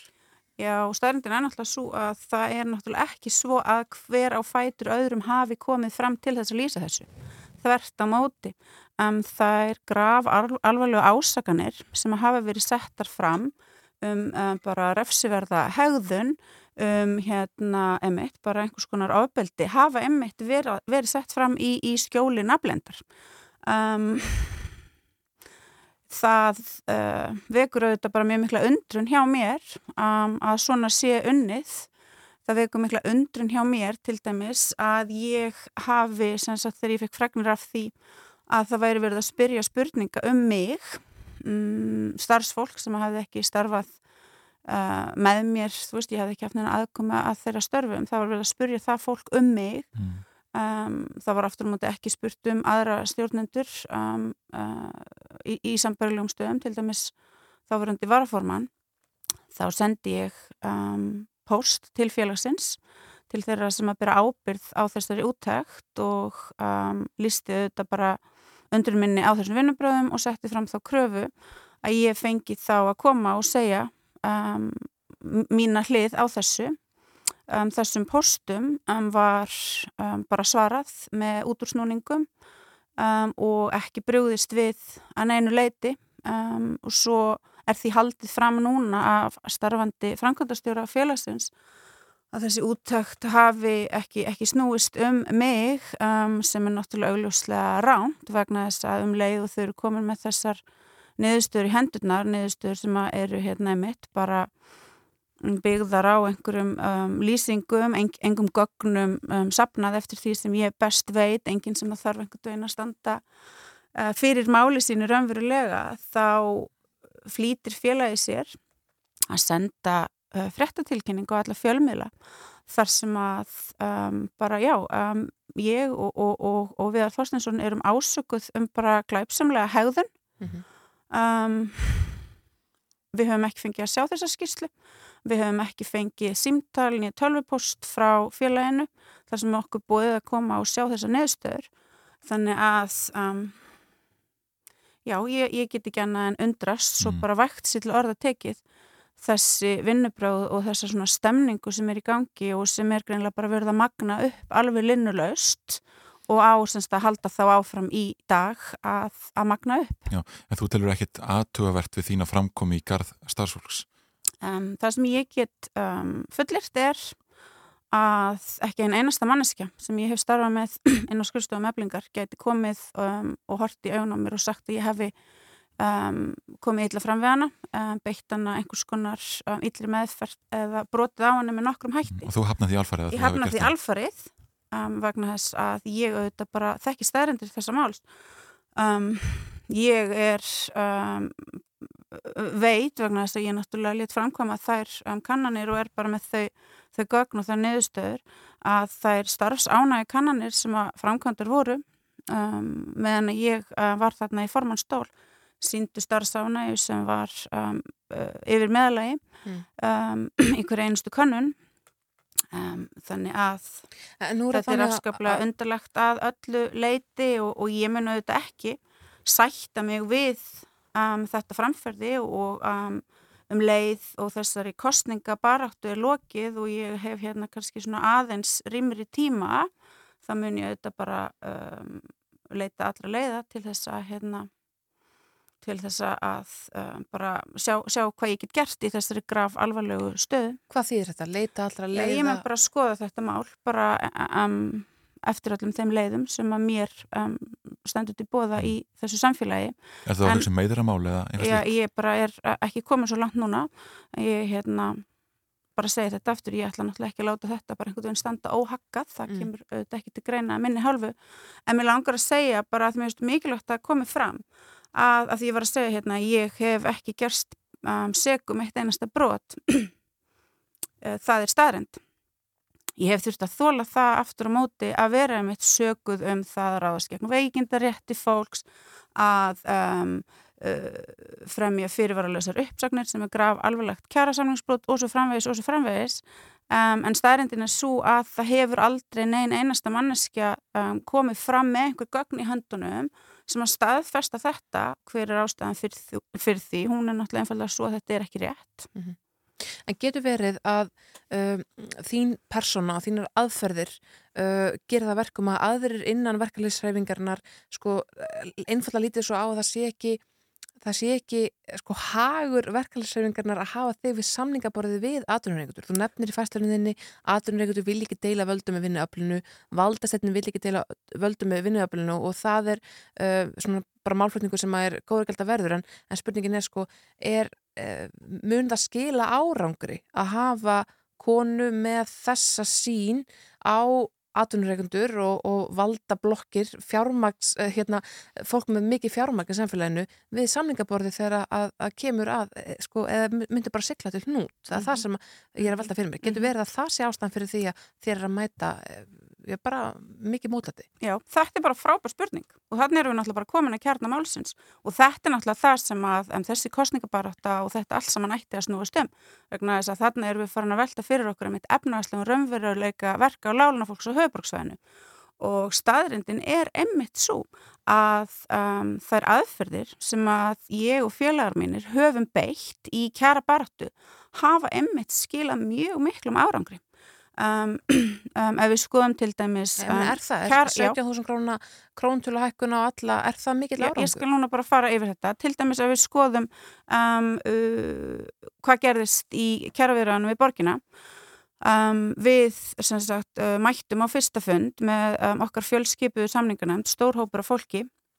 Þar mætti okkur fyrir um hátsettur starfsmæður eblingar, Harpa Ólafsdóttir sem að þá hafði ráðið sig til þess að leiða um, kjaraviðræður fyrir hönd borgarinnar eftir að hafa um, samið raunverulega alla, alla, alla kjara samninga fyrir hönd láluna kvenna með satt best að segja ömulegum árangri. Um, hún um, leiti svo viðræðunar fyrir hönd borgarinnar um, mjög forhert í því að við skildum ekki ná neinum, neinum raunverulegum árangri. Við gáumst ekki upp, við mættum okkur einasta fund, um, stór fjölmennurhópur, við unnum allt sem við gerðum um, uh, með bara líðræðislega upplistu uh, samþykki þeirra sem að komu að.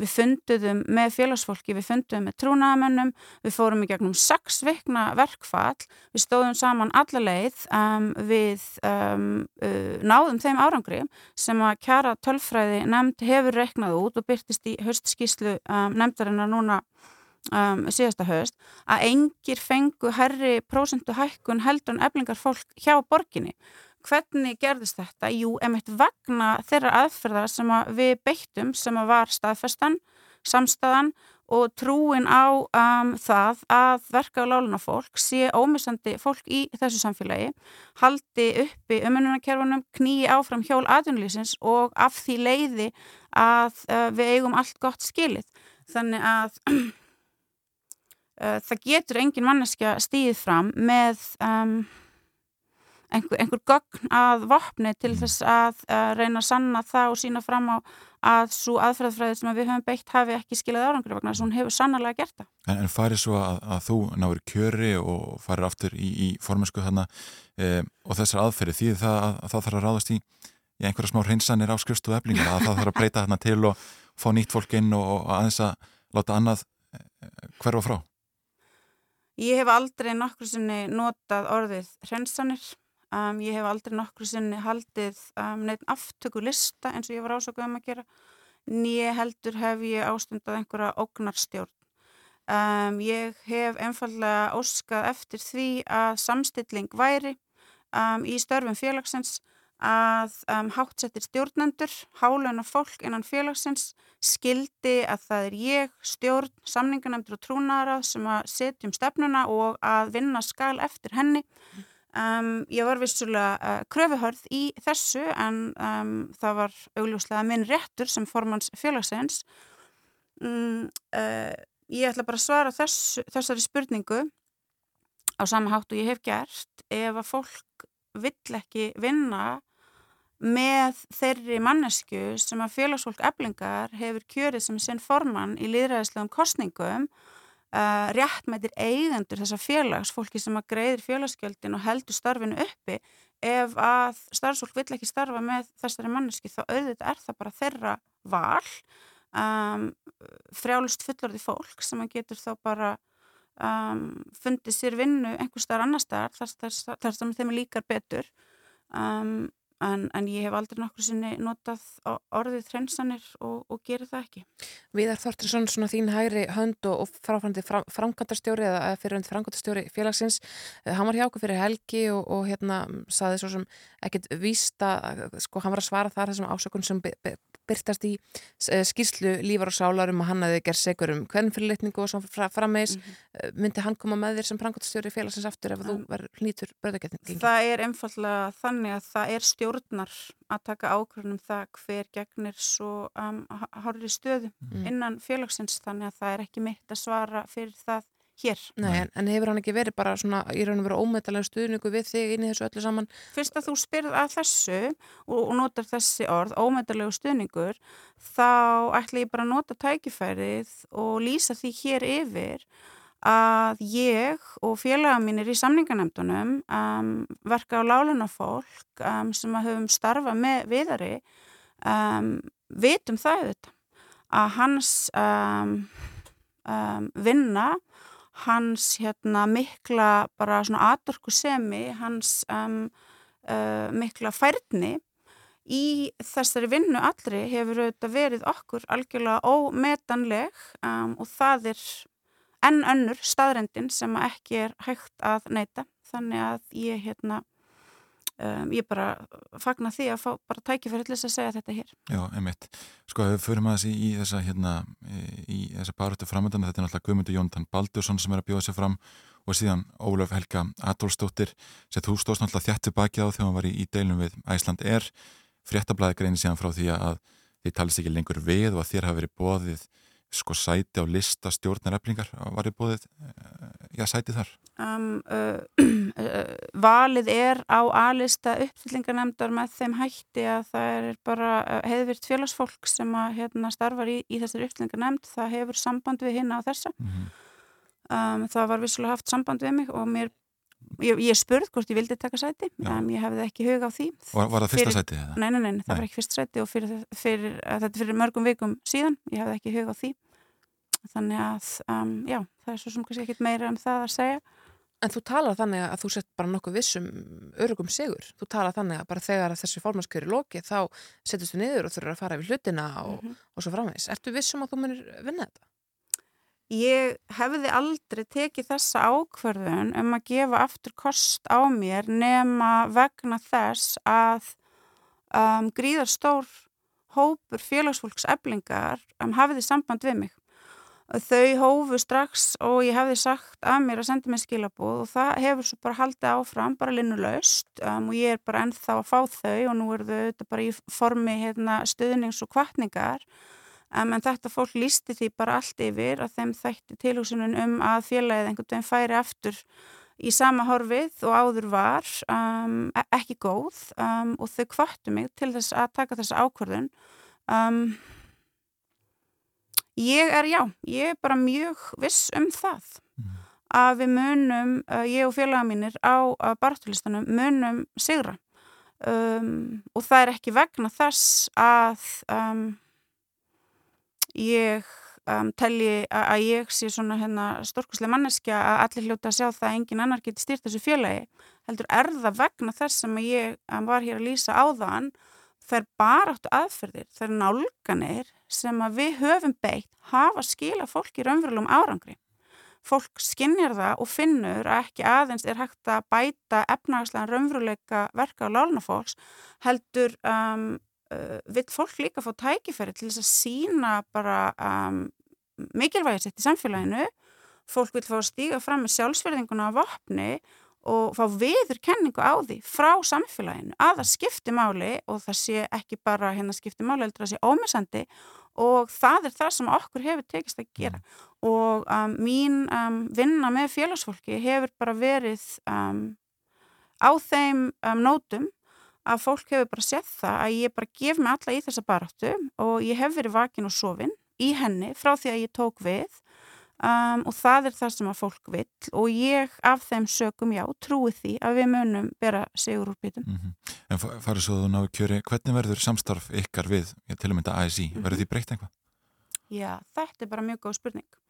Um, uh, ég vinn þannig um, með félagsfólki að ég tek ekki ákvarðanirnar ein og tilkynna svo um hvernig hlutinir eigi að vera. Þannig auðvitað var það inn í þessu félagi og er víða í þessari hrefingu. Ég vinn ekki svo leiðis.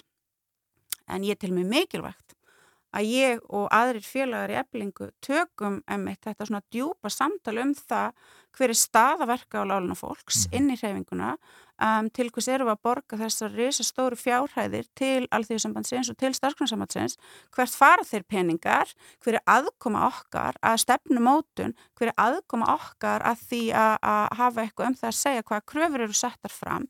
Um, að hvaða borðum er okkur hleyft í hvaða samtöl fáum við að taka þátt?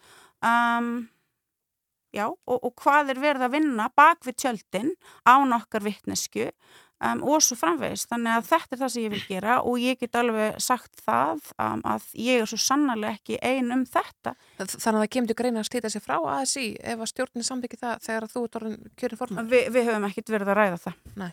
Það sem við erum að ræða og það sem kemur til dæmis fram í stefnu okkar er bara að við fyrir að skoða það vandlega um, út á hvað þetta allt saman gengur.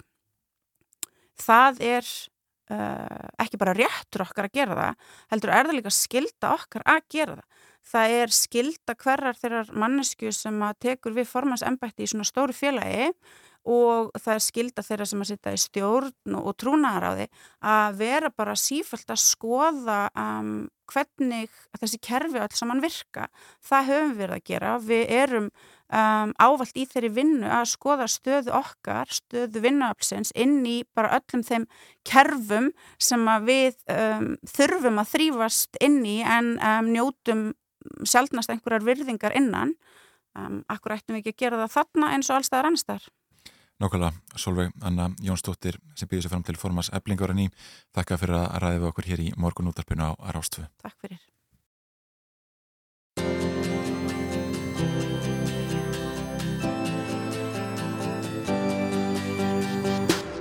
Þú ert að hlusta á morgunútvarpið.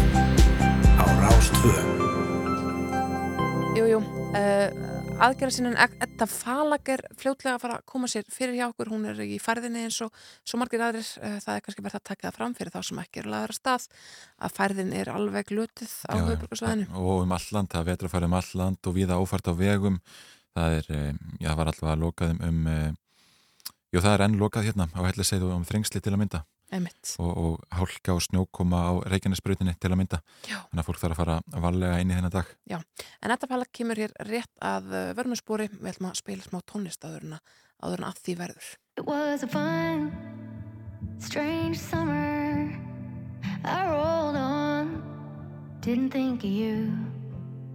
We lost touch with each other. Fall came, and I had to move.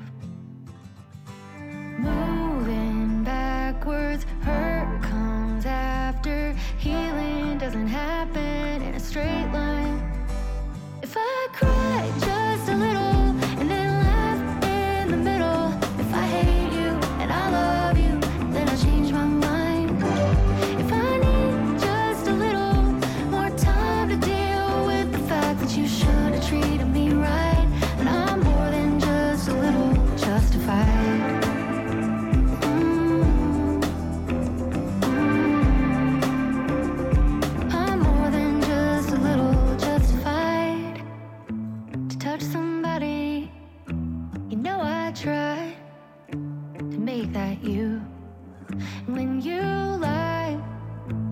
didn't want me. Tell me what was I supposed to do? Moving on was feeling strong, but healing doesn't happen in a straight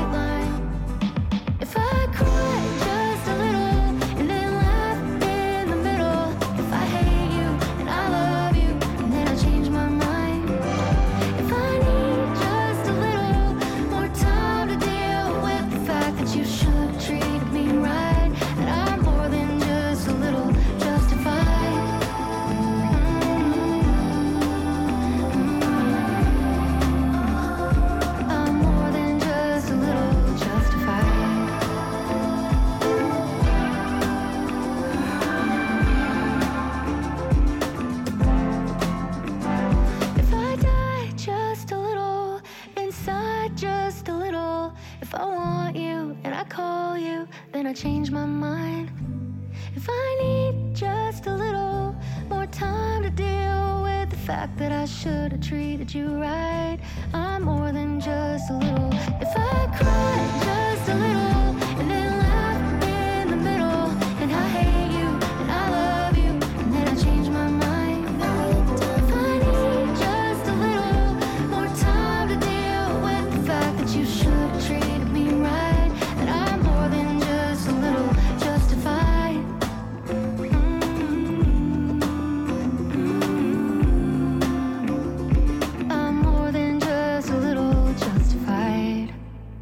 að hlusta á morgunútvarpið. Jújú, Justified með Casey Musgraves, við erum búin að fara nokkuð víða í þættinum okkar í dag, vorum að ræða við Solveig Önnu Jónsdóttur, sem býði sig aftur fram til formans eblingar, um, hún ja, talaði þar um, um svona sína stefnu og, og í rauninni að, að hún telli sig ja, vera nokkuð eh, sigur vissa fyrir þessar kostningar sem er að fara að stað. Eh, Við erum eftir að ræða við Eddu Falak, hún ætlar að koma sér hérna fyrir eftir smá, það er þungfært hérna á höfuborgarsvæðinu og í lók þáttar kemur Sævar Helgi Bragason til okkar og ræðir heim vísindana eins og alltaf, já, annarkveit þriðudag og það er venju samkvæmt mikið að frétta.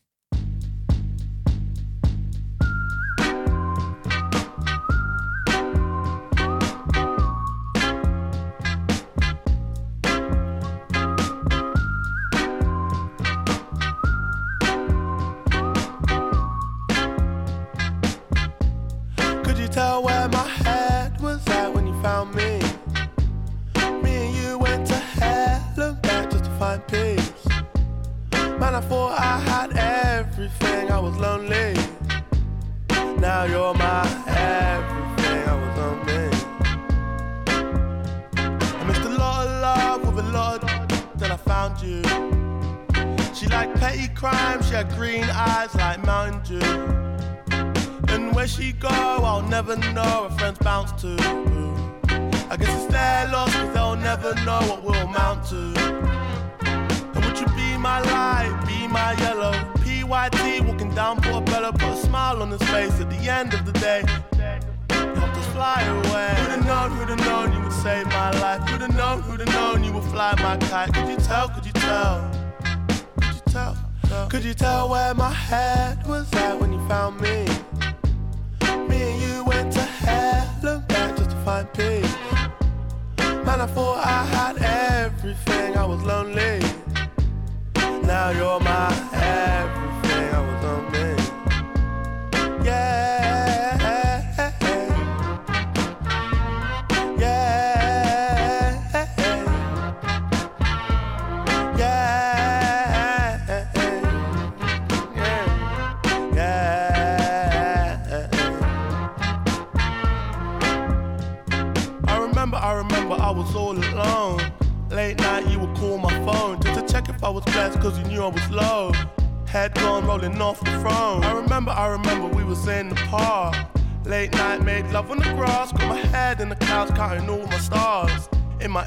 The world was ours. But to hell and back to heal my wounds, cause it gets like that. Wrong side of the moon, no tune moon, you're my Cleopatra. No side thing, don't need a backer. Need a real one, don't need an actor. A lost one's faith, think you want a BAFTA. Uh, come and be my girl. Yeah. Could you tell where my head was at when you found me? Me and you went to And I thought I had everything, I was lonely. Now you're my everything, I was lonely.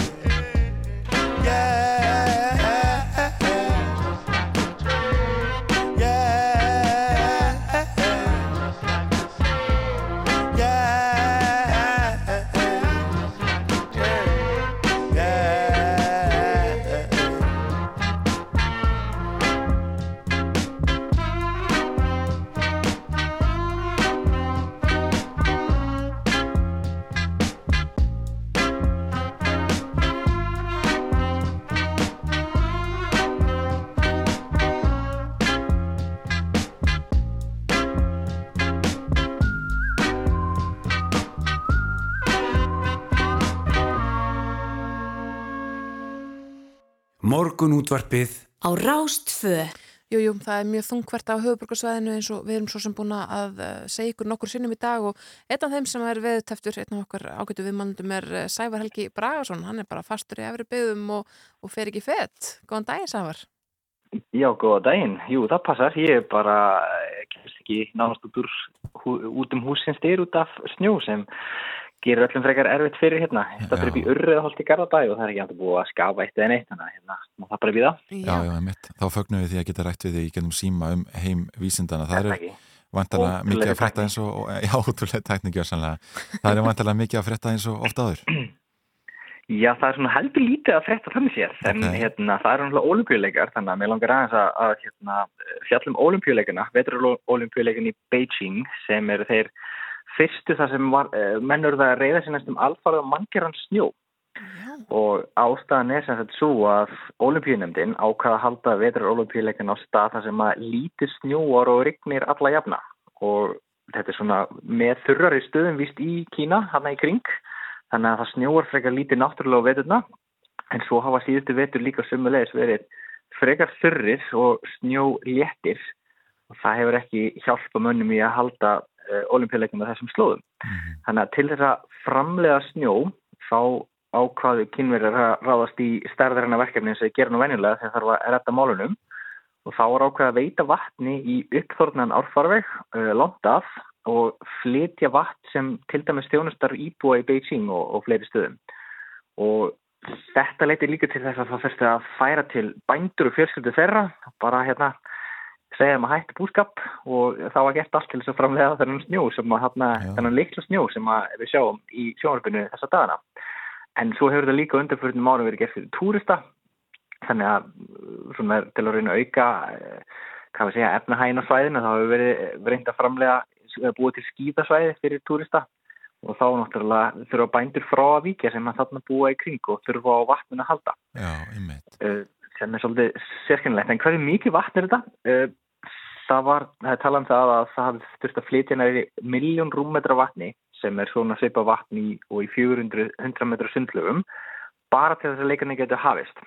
Og svo þarf náttúrulega að viðhalda snjónum og þá þarf að tvöfalda það magna minnstökust þannig að tala um að það kannski þyrti svona rúmlega 2 miljónir rúmmetra af vatni til þess að halda olimpíuleikana allt gert á uh, manngerðan hátt bara með dælustöðum og, og hérna, snjó snjótækjum og svo leis en þetta er hérna þannig að þetta er hansi svona kannski mikið yngripp til þess að geta haldi leikana á þessum stað þar sem þeir eru haldnir í dag Já, já, einmitt. Við erum með sjónvarpjarnar fyrir framann okkur og það er sprettganga, já, hvenna og karlaði hefjast og það eru einmitt sumarbrekkur sem eru bara þekktar snjó og aðrar sem eru bara, bara eins og á sumadegi.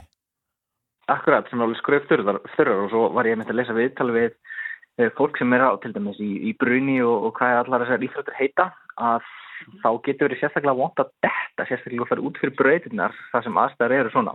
Að því að snjónum er náttúrulega að sjálfsögðu bara viðhaldi þar sem að e, keppna á að fara fram. Þannig að ef að fólk fer til dæmis fram yfir brekkuna þar sem snjórin er og það getur að stórslasa sig. Þannig að er einhverju skíða, skíða ytkendur sem er ekkert sérstaklega ánæði með með það auðvitað. En þetta er eins og ekki fyrsta skipti sem verður að framlega snjó fyrir olimpíuleika og, og það hefur líka verið gert í Nóri, Sviss og Bandaríkinum.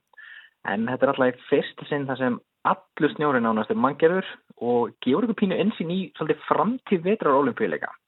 Og við vitum náttúrulega sem er að heimurinn okkar er að hlýna og hann er að hlýna frekar hratt og þá hafa rannsóknir verið gerðar sem er reyna að finna út hvort hægt væri yfir höfuð að halda, halda veturolimpíuleik í framtíðinni og þá er til dæmis kíkt aftur í fórstíðina og það er borgir sem þegar hafa haldið leikana skoðar Mhm. og þá kemur ljós að af þeim 22 borg- borgum sem hafa haldið olimpíuleika hinga til þá gæti bara ein Sapporo í Japan haldið leikana frekar vandkvæðlaust og það er þá svona setni hluta þessar aldar af því það væri bara óhlýtt fyrir veturolimpíuleika víðar við hverjum heiminn nema við náum að halda Parísamarkmiðnum um að halda hlínun jarðar innan 1,5 gráð og 2 gráðum þá getur flestar borgir heimsins sem á haldi leikina nú þegar gert aftur í framtíðinni.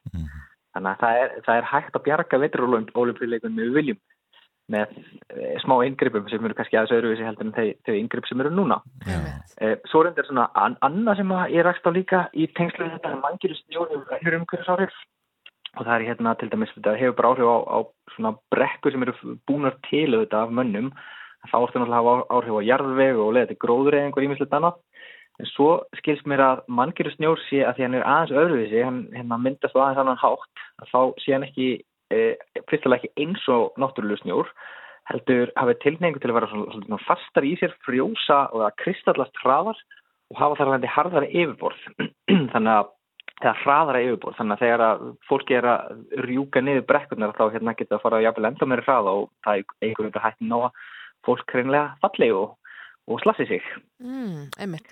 Þannig að, að þetta er kannski ekki endilega aðstæður sem að, íþjóftafólkið er vant eða eitthvað. Nei, ekki svona saka tí sem að, maður allavega lesa í fréttum um þessa leika, það sé að vísendalegu hliðina á, á leikunum, að þá er þetta allavega ekki ákjósanlegt. Fólk sem alltaf sig í einhverjum brekkum þar sem náttúrulega snjór er og heflust einhvers stað líka þar sem mangirur er til staðar.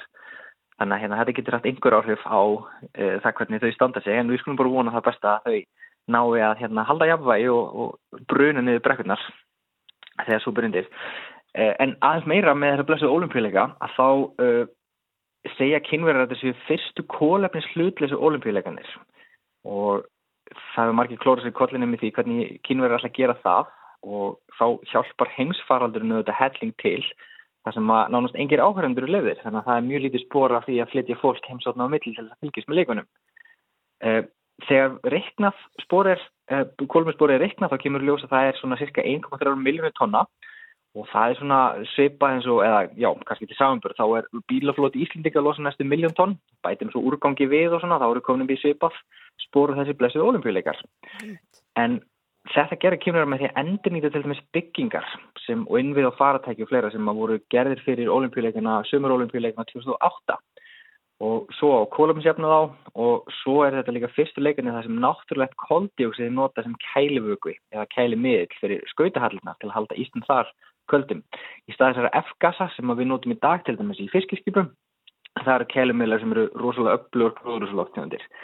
Þannig að út af líka til dæmis gaggrinni í áttakynverum fyrir að standa því umhverfismálum þá virðast þeir hafa ákveðið að gera þetta eins umhverfisvæna og olimpíuleika og mögulegt er og það er kannski mjög viðandi á stað þar sem að eh, ekkert snjóar út af mann gerðum loðlagsbreytingum.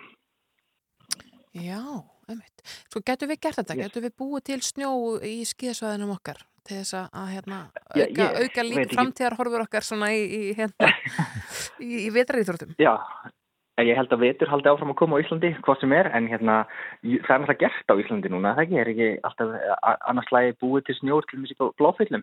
Jú, Ég er svo sem ekki með duglur að fara þangað, það er ekki, ekki, alveg nógu vel. eitthvað, eitthvað, hérna- eitthvað gerum við af þessu, jú. Kannski ekki að þessum en það er alltaf inni akkurat og það kannski heldur ekki svona einhver mikil skortur á vatni eins og er á þessum slóðum líka. Það sem er bara upptóknar árfarvegir og það er að veita vatni um langan veg til þess að hægt sé að framlega snjóin yfir höfu og taka þá vatn frá okkur um öðrum og það er ekki endalust magnaði til. Nei. Þetta er kannski ekki sjálfbært til lengdar. Já, Sif, stóra sifirlega spurningar.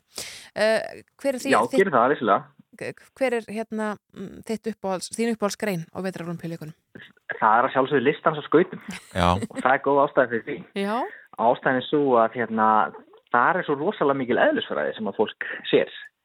Já, Fyrsta læg náttúrulega er fólki á skautunum og það er núningur og vatni bráðunar að hluta og svona Mm sem að veldi því að myndast þund lag undir skautunum og ísnum sem að leiður fólki að halda áfram. En þegar skautadansmiðinar uh, snúa sér hrætt í hringi, þegar við tekið eftir því að það ekki, þá svona draga þær hendurna saman og þá eru þær að varðveita hverfi þungan í sjálfum sér. Það er að segja að það snúast á okkur nákvæðin rátt, kannski tvo ringi á sekundi eða eitthvað svo leis, en með því að minka sér umfóngi, þá hverfi þungan og þá verður kerfið, líka menni þessi tilviki, að snúast hraðar, það er svona ekst hraðin.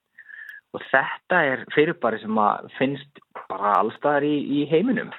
Uh, til dæmis ef við myndum minka jörðina, eh, kremjina þeim saman þá myndum snúast, uh, snúast hraðar Já, já. fyrir vikið. Af því við varum búin að minka jörðina umfangi. Og svo eru svona stjörnur í geim, það sem þetta er líka, hr- hrað, svona stjörnur sem snúast hraðast af öllu, tifstjörnur, gefa sér svona púlsis og vitar út af nákvæmlega þessu sama eðurfræðilega fyrirbæri. Þetta er mjög áhugavert. Þannig að þess vegna er listar sem skauti minn uppáhald, mín uppáhald síður. Við komast ekki, því miður ekki lengra núna, við þurfum að fá það einhvern veginn aftur til að ræða lista sinn kannski sérstaklega. Sævar Helgi Bragarsson, Já, þakka fyrir að vera á, á línunni. Mín og hann, takk, takk, bye bye. Og ég og þú Við erum besta saga sem að hefur verið sagð Og það er þú sem ég vil hafa þegar veröldin er hörð Og ég veit það nú Það er bara þú, já bara þú. Svo skál fyrir þér Fyrir þér. Svo skál fyrir þér Fyrir þér Í fyrstu var ég feiminn, faldi mig á bakuð hurðar. Mér fannst þú ungan samt svo mikið yfir burðar. Svo ég gleymdi því skjótt, saman við dag og nótt. Hluti gerðu svo fljótt. Við í bjáta og getum sér hver mínúta Því að setting gat samt getið okkur leti Tepp og spól í radíóla Allt sem ég hafði að bjóða. 14 tómur, allir sáttir Opnar allar lífsins skáttir fyrir þér. Fyrir þér skál fyrir þér Fyrir þér. Skál fyrir þér Fyrir þér. Svo skál fyrir þér Fyrir þér. Lægðin yfir landinu, hún virtist fylgja haustinu. Tók bita af sambandinu og sjálfströstinu Við tókum okkur tíma, við tókum okkur tíma Og síðan heigðum annað stríð. Á getutuð og fjórum ég beið eftir fréttum. Stórum skjálfandi á báðum fótum. Þú komst grátandi út, maginn allur í hnút. Eftir áttastutta mánuði þá yrðum við þrjú. Og ég og þú Við erum besta saga sem að hefur verið sagð Og það er þú sem ég vil hafa þegar veröldin er hörð og ég veit það nú það er bara þú, já bara þú.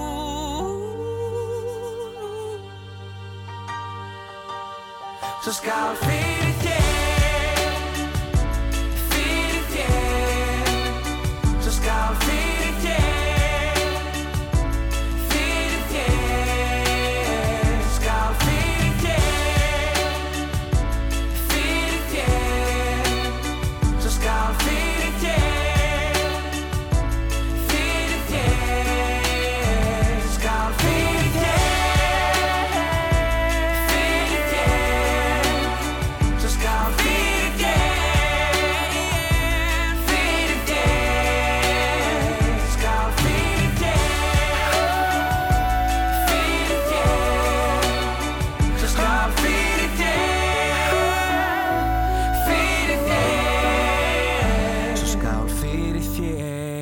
Morgunútvarpið á Rás 2. Nú aktivistinn Edda Falag setti á dögunum inn fæslu í Facebook-hóp sem best gegn ofbeldi þar sem hún lísti manni sem hefði gerð segur um kaup á vændi og nokkur þjóðþættir menn þóttust kannabis í lýsingum Eddu og síðan þá hefur hún verið stödd í stormi á samfélagsmiðlum og í kommentarkerfi vefmiðlana og hún er komin ykkar til okkar góðan daginn. Takk, hæ, góðan dag. Lýstu kannski þessari atbyrðarás fyrir okkur þetta. Þú setur hennan post inn og, og síðan þá hefur ég bara fengið við hólskeplu af líflatshótunum og hótunum um mjög alvarlegt kynfyrsofbeldi og svo framvegis. Hva, hva, hvað er í gangi? Ég veit það ekki alveg, sko, það er ekki fyrsta skipti sem þessi hópur er notaður svona, sko, að hérna, við séum að leita eftir stuðningi fyrir þólendur. En um, já, allir, ég veit það ekki, sko, hvort það sé, hvað gerði, sko, ég, ég seti hérna fæst, þessa fæslu inn og svo fyrir viðtal og síðan þegar ég kem tilbaka úr viðtalinu, sko, þá er bara, og sé ég hérna, það eru nokkur búin að senda mér skilaboð og Kári og Þóra segja af sér og, og Frost er hérna búin að gefa yfirlýsingu og ég veit ekki hvað, sko. En hérna, já. En, en sko, það voru ansi margir lýsingar er einhvern veginn þannig að það sé þekktu maður sem hefur talað um uh, fíkni vandamál og, og COVID og það eru margir sem draga þá áltunum þetta sé um að ræða Kára Stefánsson uh, og svo hefur uh, hérna kom fram í máli Frosta Lóðssonar sem er í stjórn uh, S.A. og svo væri ekki þú hefur sagt að svo væri ekki og, en þú hefur svo sem aldrei sagt að ofinberlega svo sé ekki Mhm. sko, mér, um hvað snýst þetta mál? Var þetta eitthvað sem ætlaði að koma í vitur til þín og segja frá eitthvað skonar brotum eða hvað, hvað er í gangi þetta? Einmitt, nei, þetta var ekki sko auðlýsingar til viðtali að ég var ekki hérna að segja að væri kona komið til viðtal en eitt svoleið sko heldur þetta bara leitaði til mín kona og hérna hún segir mér sko að það eru fleiri að núti sem hún er heyrt og við ákveðum að reyna kannski að ef þær myndi vilja hérna, þú veist, veita henni stuðning eða þær myndi tala saman að þá væri hérna kona sem en Já, þannig að þetta, þetta snýrast aldrei um það, hérna, en ég, ég skil það alveg kannski eftir á, hérna, fólk hefur kannski bara tekið þetta þannig, herðu, já, nú er bara hérna, einhver að koma í viðtal og, og það er verið að leita eftir fleiri og þetta er einhver, einhver að nortnaveðar, þú veist, auglis, au, hérna, að fara þá leið, sko, en það var ekki svo leiðis. Nei, en þú er náttúrulega oft einhvern veginn lent einhvern veginn í kommentarkerfunum og þessum veðmölum sem skrifa einhverju svona hérna misvandar fæslur kannski upp úr, upp úr þáttunum.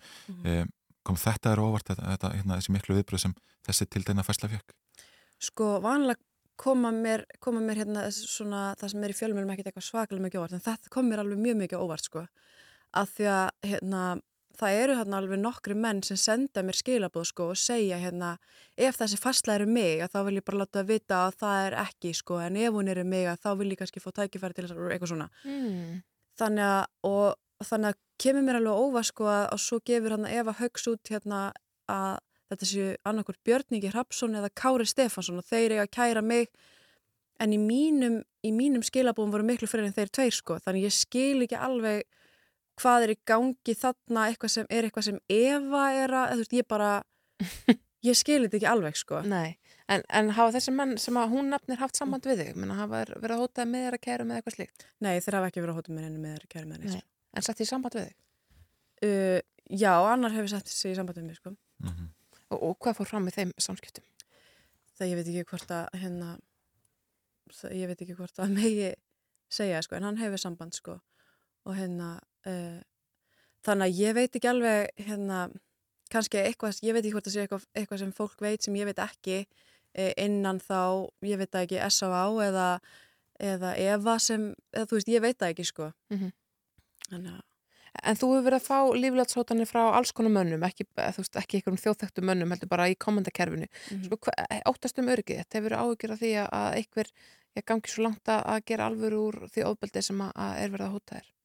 Sko, uh, ég reynir nú ekki, ég reynir nú að lifa bara ekki í ótta, sko, en, en maður hefur alveg séð það, hérna, bara eins og, þú veist, fólk fer alveg hamförum á, netinu eins og með hriðjuverk og annað og segir hvað það ætlar að gera og síðan gerast hlutinir, þú veist, við höfum alveg séð þetta eins og í Nóri og þetta, Já. að hérna, þannig að auðvitað kemur alveg upp í hausun á mér, þú veist, að hérna, þarf ég, ef einhver er að fara að hóta, hérna, já, vera auðvilsætti mönnum til þess að halda mér að því að, hérna, hann ætlar að nauðga mér, Mhm. að þá hugsa ég alveg, já, þú veist, þegar sendibíl keiri fram hjá mér, þú veist, ég er bara svona, þarf ég að fá neyðanapp, en hérna, en þú veist, ég reynir nú ekki að, hérna, taka þessu inn á mig. Nei, emitt. Já, þetta er, já, þetta er flókimál. Sko, hvernig líkur því? Ég meina, er eitthvað að koma í vital tíðin til þess að ræða þessa, þann mann sem að, þú varst að, tala um? Er, má ég að vona því? Eitthvað viðtalis sambarlegt það við það sem að, að við hafa með? Ekkit endilega, sko, bara, hérna, séum bara hvernig það þróast og, hérna, já. Ég meit. Við, við komumst til miður ekki lengra í þetta skipti við verðum að fá það aftur einhvern tímann hérna bráðlega. Um, Edda Falag, þakkaði fyrir að- koma í morgunúttöpið. Já, takk. Já, það kom að lókum í þettunum hjá okkur í dag, við erum svo sem búin að fara við það, við töluðum við Solveigu Önnu meðal annars, við töluðum við fólk frá Barnaheil, við töluðum um Bitcoin, mm, um, um gullleggið. Emitt, og við verðum hérna morgun með stútvöldan þátt af eitthvað skemmtilegu eins og alltaf. eins og alltaf. En klukkan fyrir að verða nýju og þá skiptum við að vera fréttastofuna og við þökkum fyrir samfélgina í dag